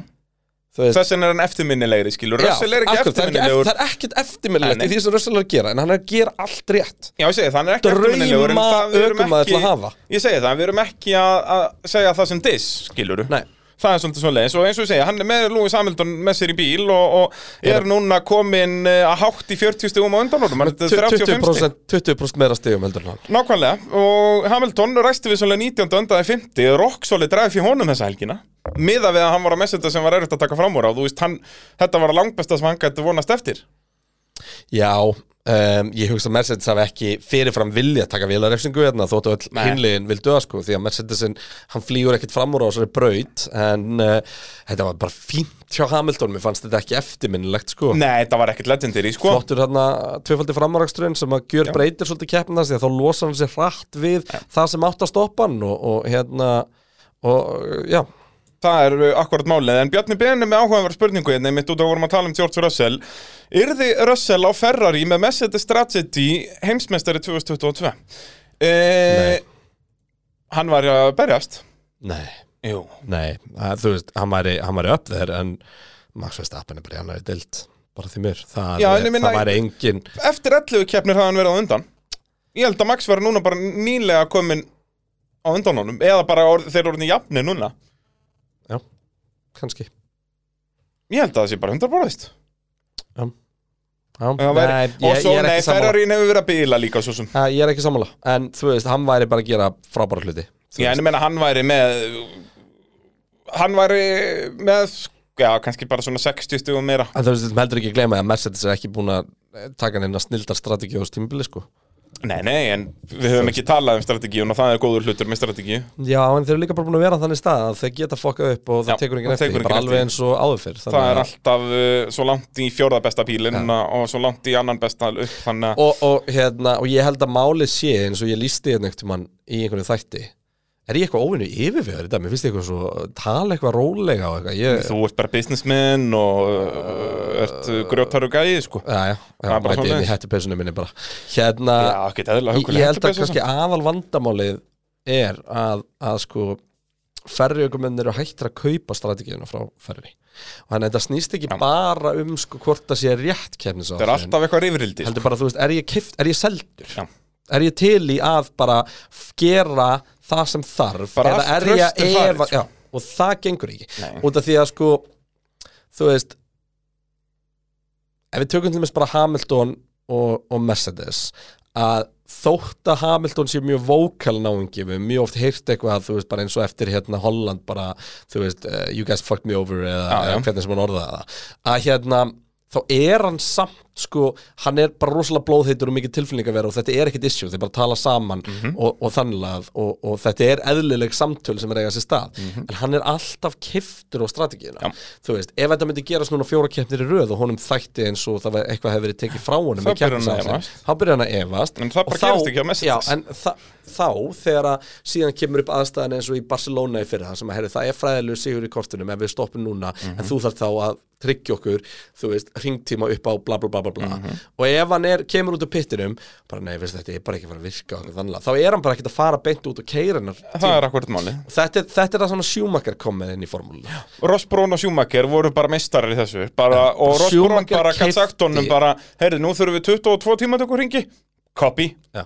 Bara ekki málið bara allt fyrir þig, elsku Ross minn Akkurat, og þetta er samstarfi sem það reyða sér stað. Og þarna eru Red Bull náttúrulega bara búin að nurtura Max með réttum ákvörunum alltaf yfir í það, ég meina hvena tap, tapaði Max einhverju keppni fyrir á strategíu þú veist, eh, Barcelona mögulega en, þa en það er samt, þú veist, hann er á réttri strategíu, Benz ákveð að fara í alternativið til þess að berjast það, en þú veist, punkturinn minn er ef það gerist í eitt af hverjum 15 skiptum eða eitt af hverjum 10, þá ertu samt kiftur á nýju. Algjörlega. Já, keftir á þau Já, tíu 100% Þetta er bara, ef það tekið svona ferrar í ára á þetta. Já. Það er bara, en, já, já, og, og Red Bull gerir allt rétt í, í þessum uh, efnum. En uh, hvaða lið er ekki að gera þetta rétt? Það er að sjálfsögðu pitstop feil helgarinnar í bóði verkværasölunar uh, Minnum á dásamlegu Milwaukee verkværin sem er í bóði hjá verkværasölunni Okkar menn og eins og vorum að tala um áðan ætla að skella í rútuferð frá Akureyri á Arskóksandin uh, á Pitturinn Live fyrir norðan um helgina The What a Very Good Company, eins og ég ekki sé kalla hans Elsku verkefæðarsöluna, búin að Það er- one Er ekki verkefæðarsöluna fyrsta fyrirtæki sem að kemur með okkur? Jú. Nei, var það ekki bónustofan? Jú, jú, sem er ekki til lengur, það er Já, rétt. já, það, það var okkar Það er fyrsti rétt. sponsor. Það er rétt. Það er uh, hjút shoutout á, á þá meistara. Já. uh, En, en svo kemur verkefæðarsöluna það er hárrétt Já. Það er hárrétt. Uh, Pitstop fail helgarinnar uh, Það verður að vera fólki sem er að nota vittlasverkværi Það eru maður klarinn Þetta er svo lélegt sko Að vera Keppni með eftir með- keppni eftir já, keppni. Það er alltaf allavega eitt Það er mér langar bara að fara að reikna þetta saman Meðal hraði þeirra í pitstopin hlýtur að vera svona þrjára hálfsekunda sko. Já. Ég hef ekki meira, þú veist eins og í Kanada voru ég- þrjú stopp sem voru yfir tíu sekundur sko. Já Þetta er svakalegt Ég væri meira að segja bara til að taka stoppin sem eru léleg og góðu stoppin ekki taka stoppin sem eru katastrófa Já, nákvæmlega, Skilurðu? Þú ekki veist, taka tíu sekundar Ég myndi stoppin ekki taka til dæmis inn í reikningin á hvað meðaltími Ferrari þegar þeir glemtu dekki Já. Fattarðu? Þú veist, og ég held samt að þetta sé svona þrjára og hálf Já. bara McLaren tapar meðaltali 0,5 til 1 sekundu í hverju einasta stoppi Já, einnig sek hverju stoppi Þetta er alveg bara Já, bara ég menna ekki- þú getur ekkert verið að berjast ef þetta er svona, skilur Nei. Og, og sérstaklega ekki með að hvað þessi slagur í mittfylgni tætt og að Norris sem er öruglega standið sér miklu betur heldur en að við áttum okkur á þessu tímubili Mhm. eh, þarf á öllu að halda út í Alpine er hraðari yfir keppni. Jep. Þannig Það er akkur þannig. Og nú ætlum við að tala um hennan mittfildslag Það er Alpín og McLaren. Alpín skora engin stig í þessari keppni. Og uh, já, það þarf að fara ansi langt aftur tíman til að finna keppniðar sem skoruðu 0 stig. Já, Alonso var í stigum að það ekki þannig datt út? Jú, en uh, sko síðast þegar að liði skoraði 0 stig það var á Imola í fjórði keppni tímanbilsis já. Og Fekk það er að eina keppni sem þeir hafa ekki skorað stig. Þetta eru bara tvær keppni núna. ekki meira að segja þá helgina Alonso stig í sprettinum. Manstu það? Það gæti verið. Ég hann dettur út snemma hérna, bara strax í fyrstu beig en annars eru Alpín alltaf búin að vera í stigum og meðan að uh, McLaren sem þeir eru að berast við hafa Nei, þeir voru ekki með stig þar einu sinni, tvisvar, sprettinum. þrísvar hafa fjóru sinnum ekki verið með neinn stig Já, sérst, Norris og fjórusunum ekki náði stig Já. Og Ricardo náttúrulega nennir ekki að skora stig þetta hann kann ekki kera formúlubíl. Uh, en uh, þetta var samt ekkert svo dýrt fyrir Alpín sem voru þarna með rúmlega 20 steg að fóskot fyrir helgina. Já. því að uh, náttúrulega Ricardo loksins er hann að standa saman gætlega þá fyrir mótorun aftan í bílum hjá honum. Og Norris, hérna McLaren gefa frá sér allavega eitt, kannski tvö sæti. Allavega eitt. Uh, og þannig að hann þau fá bara 6 stig. Já, þannig þannig að- bílið er ennþá núna 18 stig á millið þeirra. Já. þannig að ennþá í góðum málum fyrir Alpín og ég held að Alpín verið miklu betri í Singapúr. Akkur undan því að þetta er svona einhver bókibraut og Alpín eru alltaf með hraðan bíl. Hvernig var Monaco? Alonso Alonso var sjöundi- lestastjórin hann Alonso var sjöundi okkund vá. Hann var sjöndi en það var mínúta í sjötta Já, sem var sko. Norris með Já. ræðasta ring það er svolítið svona Hérna Já Já, já, já, já, Nei, ég held bara- að McLaren verði fyrir ofan í, í eða þess að Norris Já, verði Norris fyrir verður fyrir ofan, náttúrulega Ricardo verður ekki að þá- fara að skoða sem að því þá Alpine fá fleiri stig. Ég segi það, að- þetta er bara Norris fyrir sjöundi og þeir verður áttundu og níundu. Já. Það er bara þannig. Þannig skora jafnmörgstig eða eða eitthvað. Uh, Með, uh, já, kannski lítið að tala um Alpín Það er náttúrulega Alonso DNF-ið Þannig að þeir skora ekki stig. Okkon endar 11 réttur út af stigasætti já, tölum aðeins um Alpine eftir tölum Nitti Frís Já, það eru ágætis umræða þar og, og svo sem líka í, í Alfa Tauri kemur uh, smá alpín umræða. En uh, McLaren uh, ennþá í fimmtasetti í mótinu eins og ég talaði um áðan uh, Landon Norris endar sjöundi og heldur því uh, sjöundasettinu í heimsastarmótinu nokkuð öruglega þar en Ricardo dettur út eftir að McLaren uh, ræstu þriðju og fjórðu þeirra besti árangur í tímatökum eða semst á ráslínu síðan bara Monsa í fyrra. En svo keppni fór nú aðeins öðruvísi en Já, þessi. Er smá munur að að fara inn í alla keppnar þessu ári vitandi að þú ert að fara að falla tilbaka ef þú kvalifæða vel en ekki eiga möguleika á að eiga velunapall eða eitthvað álíka. Akkurat, uh, Erlingur Þór spyr uh, er ekki fljótlega fyrir McLaren að bóka tíma á dekkjavestaði í nágrinni við brautina heldur hann að treysta á þetta pitkrú Það er bara virkilega gott sjótt sko. Já, bara hérna fá, fá okkar fólk í þetta. Já. Það, Þetta er bara grín við tölum um dáðan sko. þetta bara gengur ekki Nei, þetta er aðgæðlegt sko. Uh, Minn allra besti Magnús Þórðarsson What a very good man My brother from the same mother. Uh, Þrísvarsuna Mercedes mótorar farnir Engin vandræði Mercedes sjálfum Eru non-worksliðin bara að taka meiri sjans á úttaldi vélana Þetta er náttúrulega spurning um uppsetningu skilur hver að það eru öðruvísi kæligöt og, og svoleiðis Það á, á ætti nú að milli vera bíla minnst á, á, á bensinu sjálfum? Vissulega. Já, þú veist, já og nei Það er alltaf betra að vera Það verkslið er bara betra að vera verkslið Þegar sko. að þú getur hanna bílinn í kringum mótorinn en ekki Miklu bara fengið mótor. Já, miklu fyrr, þú veist, allt konceptu snýst um hvernig mótorinn er. Um, Já, þú veist uh, Tilvilun og ekki tilvilun Hvað, já, eru bara þrý mótorar farnir á tímbil Spáði því Já, þrýrum, þrýrum helgina Nei, það voru samt bara tveiri það ekki? Því að Þetta voru bremsur hjá Stroll. Það var bara Fettel og Ricardo. Það Stroll dættur út en það voru þetta bremsum ekki út af mótor Var það Stroll sem var VSC-in? Manna ekki. Nei, hann kemur bara inn. Hvað var þetta VSC-in? Var það ekki Fettel? Út úr Ascari. Já Fettel stoppar út úr Ascari og þarf að, bara við servisrót og þarf ídónum minn servisrót Alveg rétt. Þú vil að fyndi þessu okkur mynd bara einhver, þú veist, langt eftir keppni og það var bara búið að hengja bílinn þessi kartu upp í krana svo fólk var ekki að stela á honum og eitthvað. Það var bara upp í loft Upp í lofti, að, Já. grjótart Það var uh, sýningarpís Já. En Svo já, með gólfið. Já, nákvæmlega. En með Mercedes-mótorana þá er þetta Var kannski bara svolítið komin tíma á þetta. Monsa náttúrulega reynir mjög á mótorinn. Og, og Mercedes-liðin búin að taka langt minnsta refsingum og, Já, og, er að láta- er að lopann er mest, að sko. lopann, sko. Og svo slú heldur ekki gleyma því að, að þú veist, ef þú tekur Williamson inn í þá það lið sem á ekki mikið af peningum þannig að það kannski reynir að komast upp með hann og farið það er að hérna Já, þetta er góð spurningi, ég á bara ekki svar við því, sko, ég, á- ég, veist, maður með kenningar en that's it, sko Já, en eins og, þú veist, basic hugsun þarna er að vörksliður er alltaf á betur stað heldur en customer. Já. Það er bara þannig. Uh, Það er líka ástæða fyrir að McLaren er ekki að fara að vinna heimsvæmstaratitil allavega svona næstu fimm árin að mínu mati. Uh, Jón Brynjar spyr svo hér að lokum hjá McLaren eru, uh, hann er með pælingu um Ricardo. Honum líkar ekki við Uh, þegar Halo komur á 2008 hann hætti Ricardo að vera eins uh, góður og hann var og hefur bara farið niður, niður á móti síðan. Er þetta fakt, hefur hann eitthvað sett sig upp á móti heilunum? Nei, þetta er bara, þetta er ágættis pæling hjá Jóni ég, en ég held ætla að bara það ekki sé að finna ekki neina legit afsakanir fyrir Nei, Ricardo því að það eru bara ekki eftir, því miður. Já, og þetta er ekki, þetta er ekkert heila á að gera Ég sko. meina, ef þú getur ekki aðlagast þessu þá bara þá fattar bara eitthvað formule 1 ökum Það er alveg eins og Dani Ricardo er Þannig að e, það er bara nákvæmlega svoleiðis og, og, og synd og skömm að við þurfum alltaf að vera að tala um þetta hverju næstu helgi. Hann á að e, snáa sér í burtu og þá getur við farið að brosa aftur e, til Ricardo. Því að mikið óbáslega leilugur að kera formule 1 bíl. Í hvað sæti var hann þegar hann datt út? Áttundi? Já. Hann var á undan Gastli, já, hann var áttundi.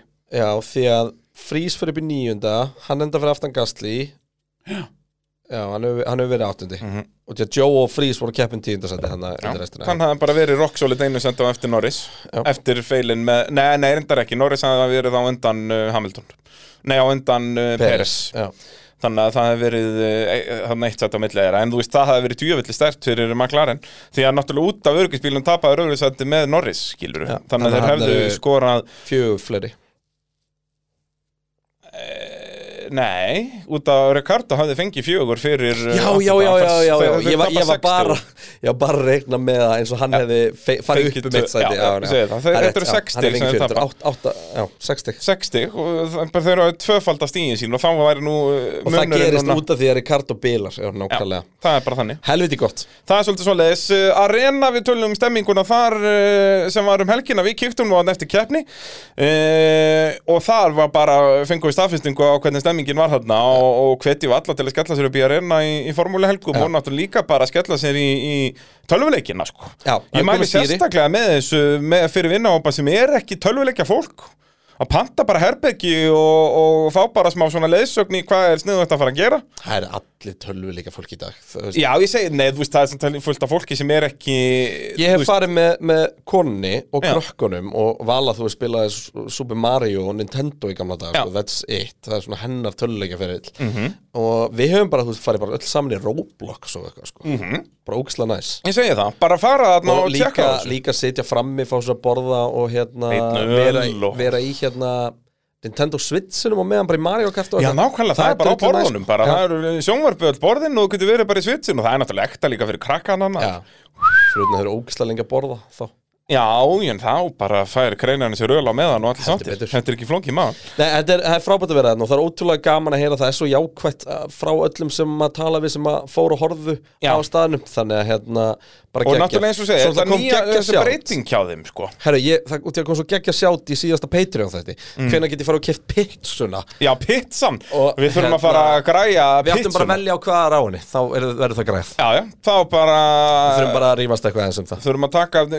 tökum við sumraði næsta Patreon þetta að, að rífast um hvað verður á pizzunni Því ég er náttúrulega annars maður sko.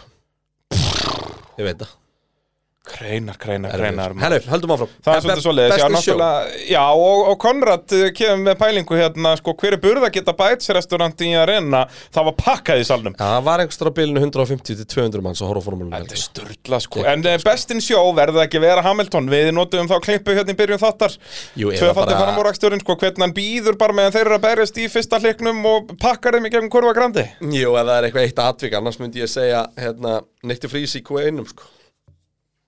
Já.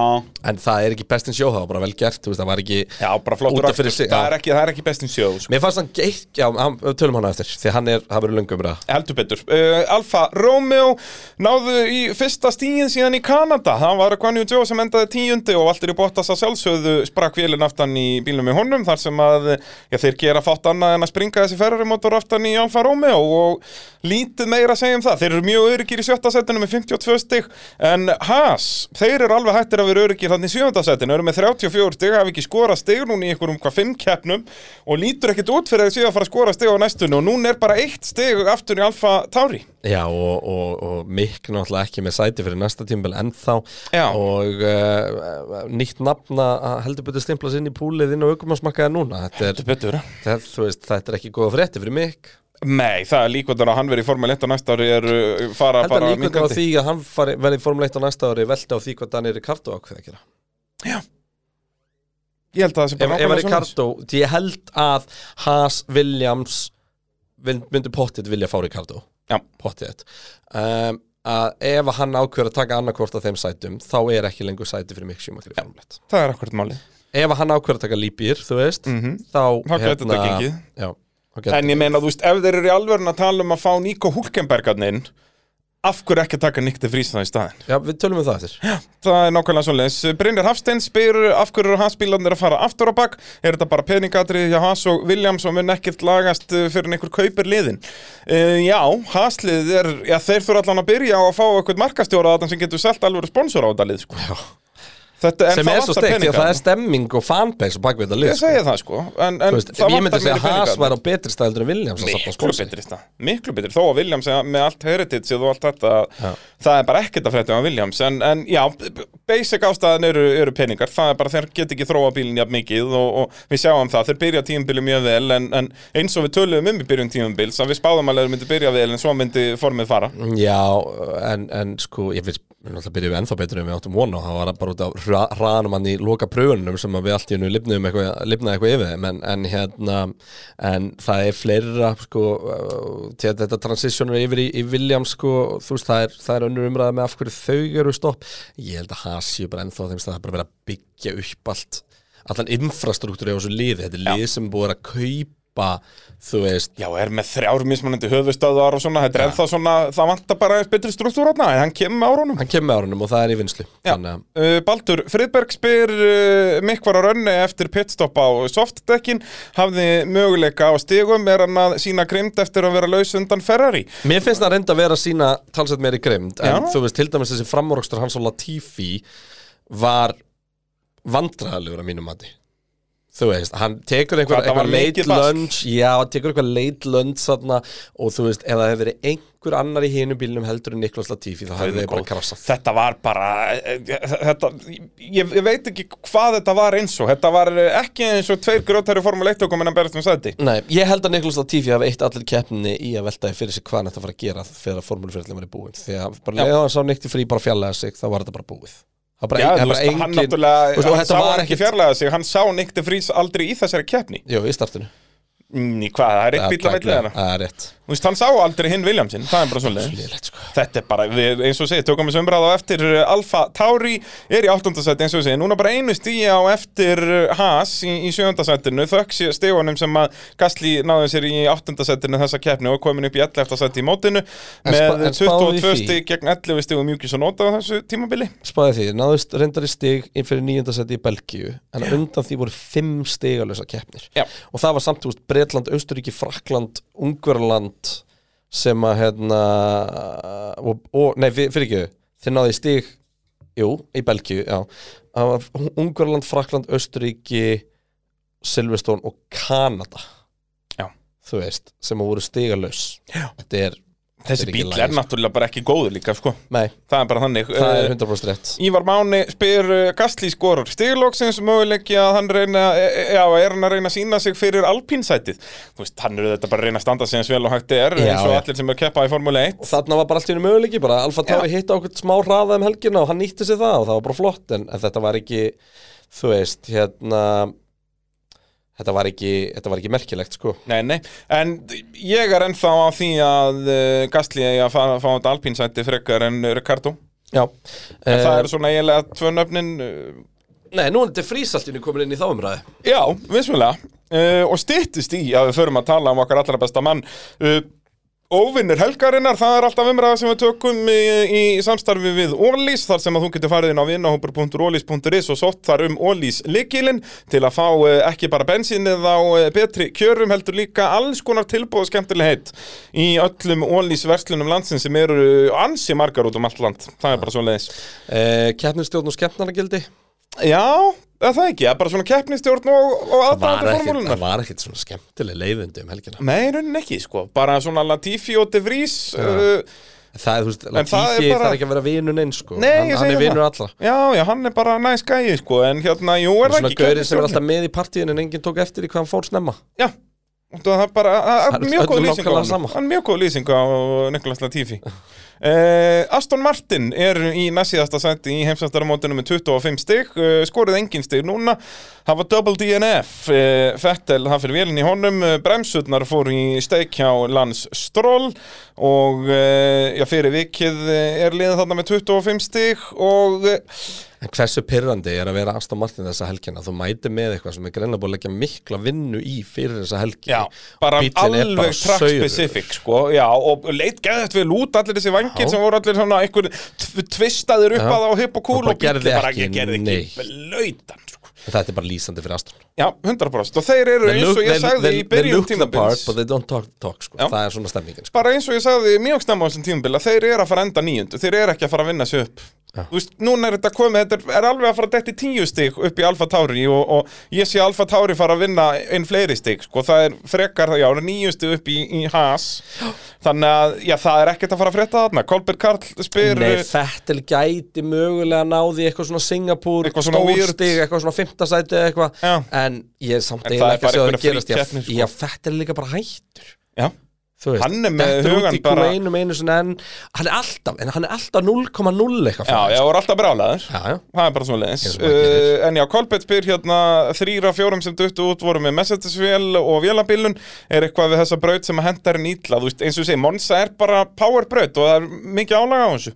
Já, gæti svo sem alveg verið að, að það, það er mitt sé veiki hlekkur inn í, Já, í bara í, þegar það er tekið alveg 100% út Þá þóli vélina nýtla Sérstaklega á kostumiliðunum Því að þetta gerist ekki hjá, hjá worksliðinu Já, En náttúrulega Hamilton með nýja vél þar Þannig að það er, það er spurning. Shit, það væri svona svakalt því allir með báður Aston Martin sem að eiga mögulega einhvern séns á stigum í Singapúr þurfa að taka vélarefsingu þar sko. Já, það er agalegt. Þú ferð samt freka þá bara í einhverja, einhvern gamla mótor og bara kera henni 90% það má ekki taka vélar í Singapúr, Það það, bara gengur ekki.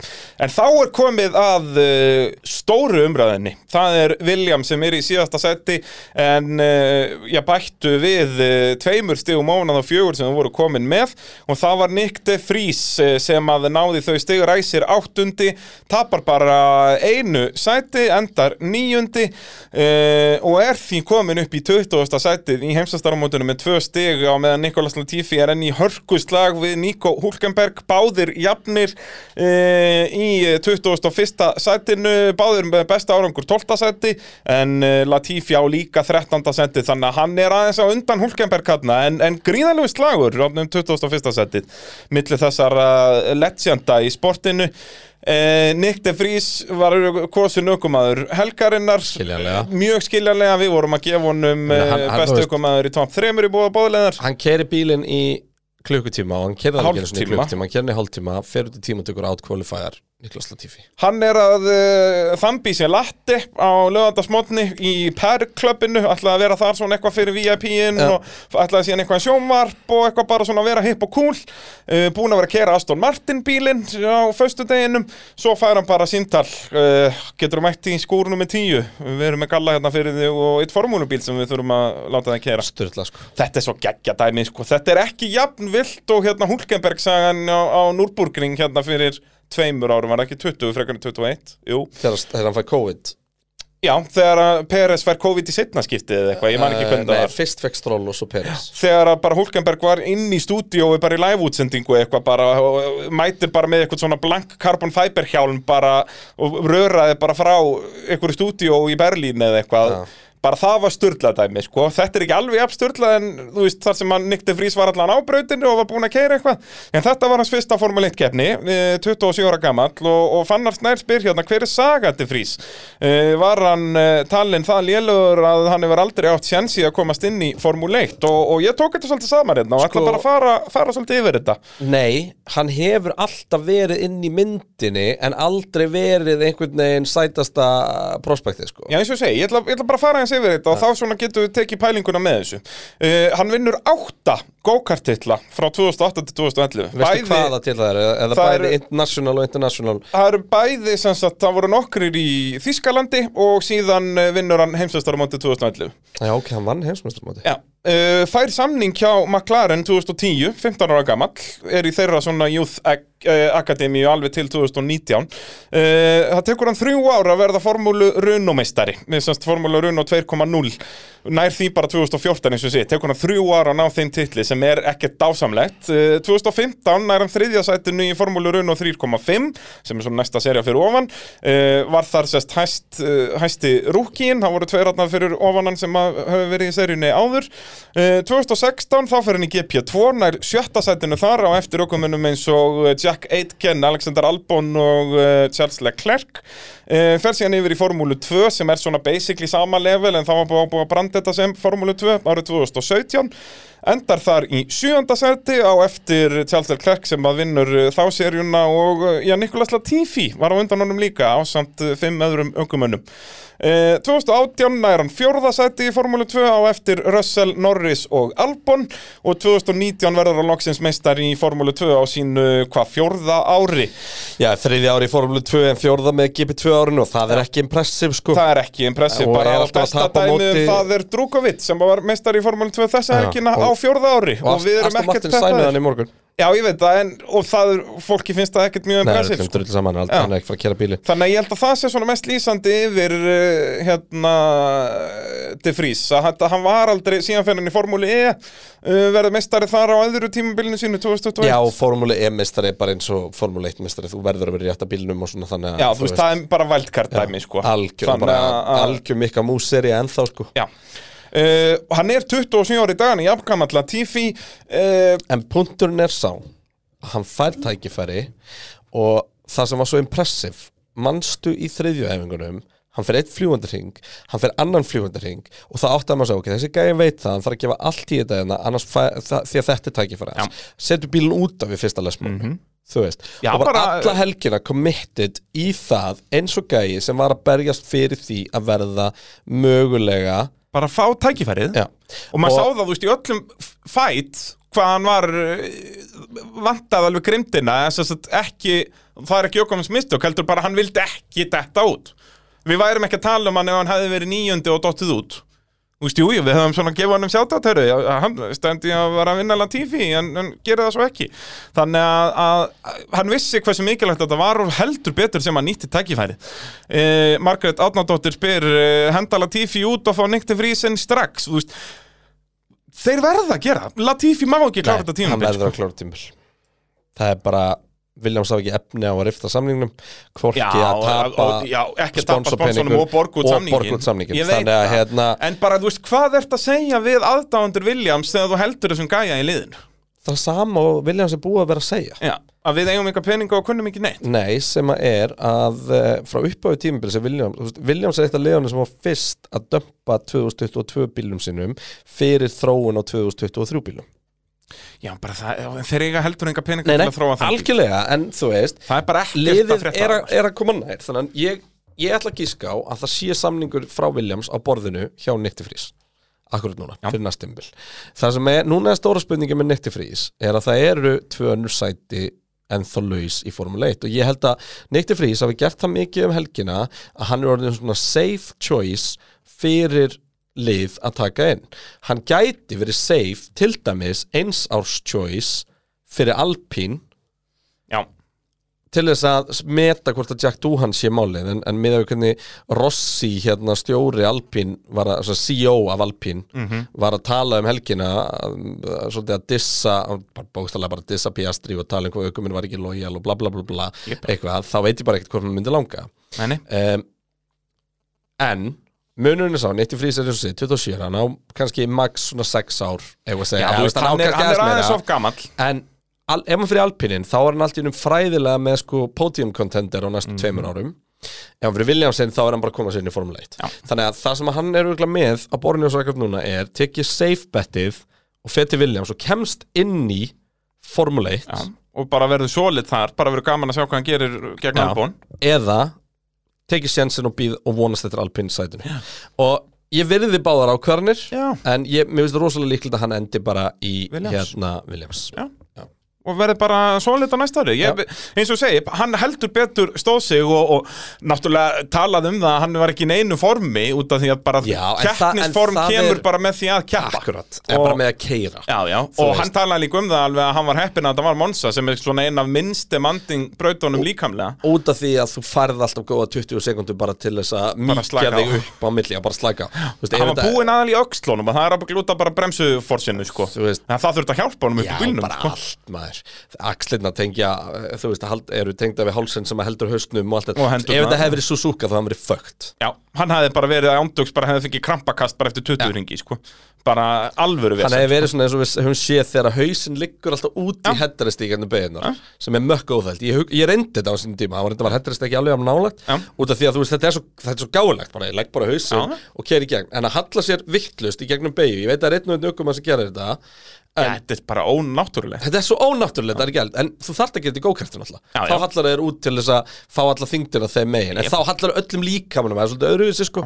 Þú veist, og, þi- og meira svo þetta hallir líkamanum Þá ertu samt eiginlega með hausinn hallandi inn í beigina Já, Það- en þú líkaminn er meira Já, sem reynir að setja þingdina. Þannig að hérna En Nitti Frís Fucking vel gert Bara Voru að mæri gutt þú veist ég hef aldrei nokkuð tímann sagt vákarum mikið mistök að ekkert lið hafi tekið hann að gæja en og Nei, mögulega alls ekki, veist, og ég, mögulega ég var fór hérna yfir ferilinn hans og þetta er ekkert áhugaveru feril sko. nei nei, ég hef alveg hugsað ég hef alveg hugsað þetta oft þú veist, það, þú veist vá hvað það hefði verið geggjað að vera með þekkinguna og skilningin bara á lífinu sem ég er með í dag þegar ég var að taka mér fyrstu skref. Já, já. mögulega, þá er bara nýtti frís á eitthvað fárlan hátt út af hefni að fá að fara inn á réttum tíma fyrir sig. Já. þú veist, sjáðu Stoffel van Dorn. Stoffel van Dorn er örgulega betri aukumæður heldur en nýtti frís en hann bara kemur inn snemma, er pakkað út, kemur aldrei aftur skilur þannig að hérna, og Van Dorn vann hann í formúli sem liðsfélag hans, já. skilur bara til að hafa það, þú veist, með.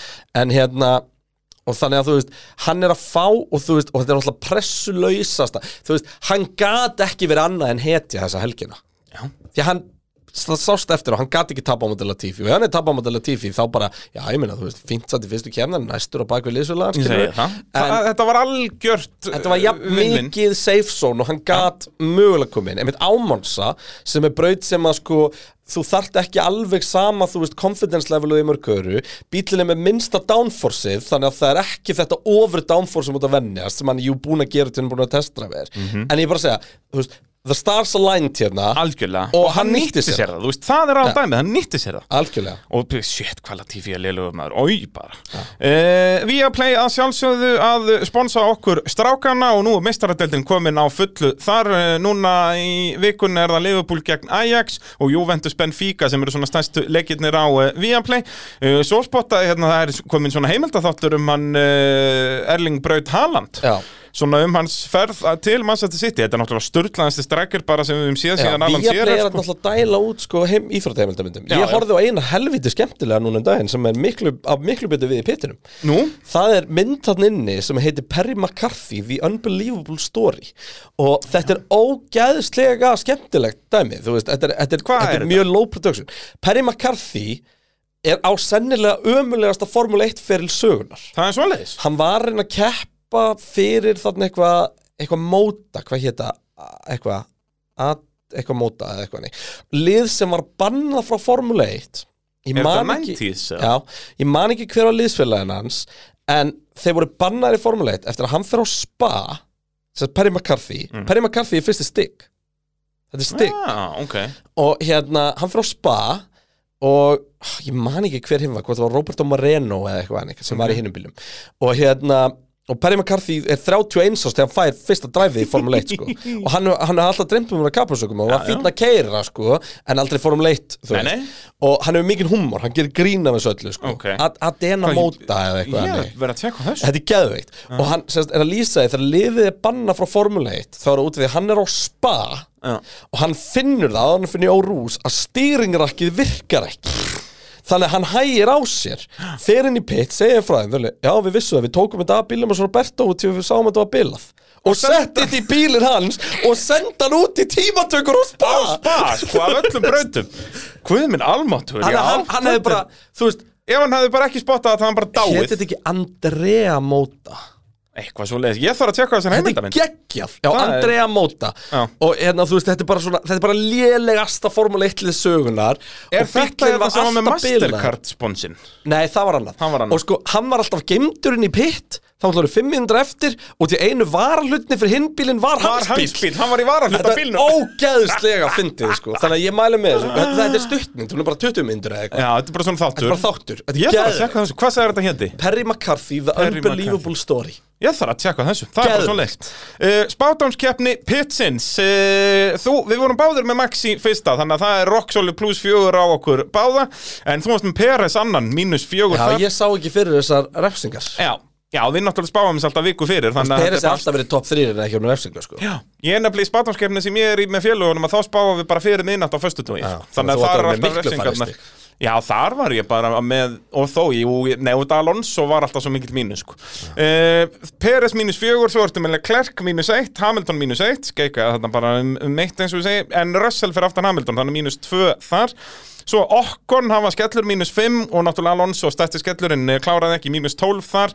Svo Alexander Albon sem í Nick de Vries uh, áttunda sæti en enda níundi þannig að bara mínus 1 þar. Við, við spáðum því nú ekki þegar við fengum fréttirnar að Albon var upp á spítala að við myndum bara að fá mínus 1 fyrir Albon í áttunda. Mm, Ég geti mögulega að hafa hent uh, 50 eurum á að Nitti Frís var að fara að enda í top 10 á, á Kulbett Búm! Eh, Stórkur á business, uh, ég var með Max í fyrsta. Pá, Leclerc annar, pá, pá Tvöfalt pá þarna á uh, okkar allra besta Peres uh, skellur þar, mínus þrjú. Russell í fjórða, mínus eitt. En svo Hamilton fymti, pá, mínus tvö. Það er komið triple pá á brallan Já. uh, Alonso mínus 13 Okkon mínus fjögur. Og svo Albon eins og þú þarna mínus eitt. Þannig ég fæ 14 stig, þú 22 Þannig ég er að minka bíli munar um páin hjá þér. Það heldur Og í betur. raun og verið sko, ef við hefum bara tekið Alonso út um myndinni þá væri þú með eitt. Já, og ég væri með hvað, fjögur? já Nei, Nei, nei, þú nei, ég var með meira. tíu Já, Ég var þú með væri tíu, með tíu. fyrirgefðu. Ég var með eitt, Já. eitt gegn tíu.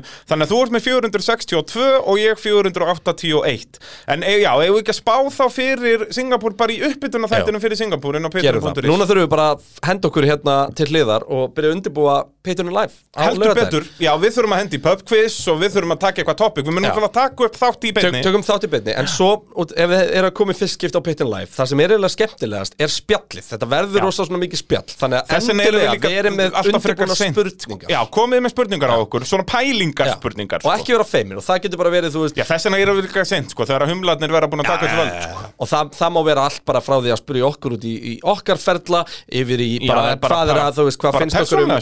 út bara- hvað finnst hvað, við ætlum ekki að segja hvað gerist í bjórbjóðunum samt sem maður en þú veist, þú veist Ég og veit, svo ég get ekki lofa neinu þar samt. og svo allt tengt Algjörlega. Og þetta verður alltaf skemmtilegast hluti kvöldsins. Þannig að hérna Pitturinn Live þetta er inn á Facebook event núna skrá sig og láta vita hvort þetta komið rútu. Pá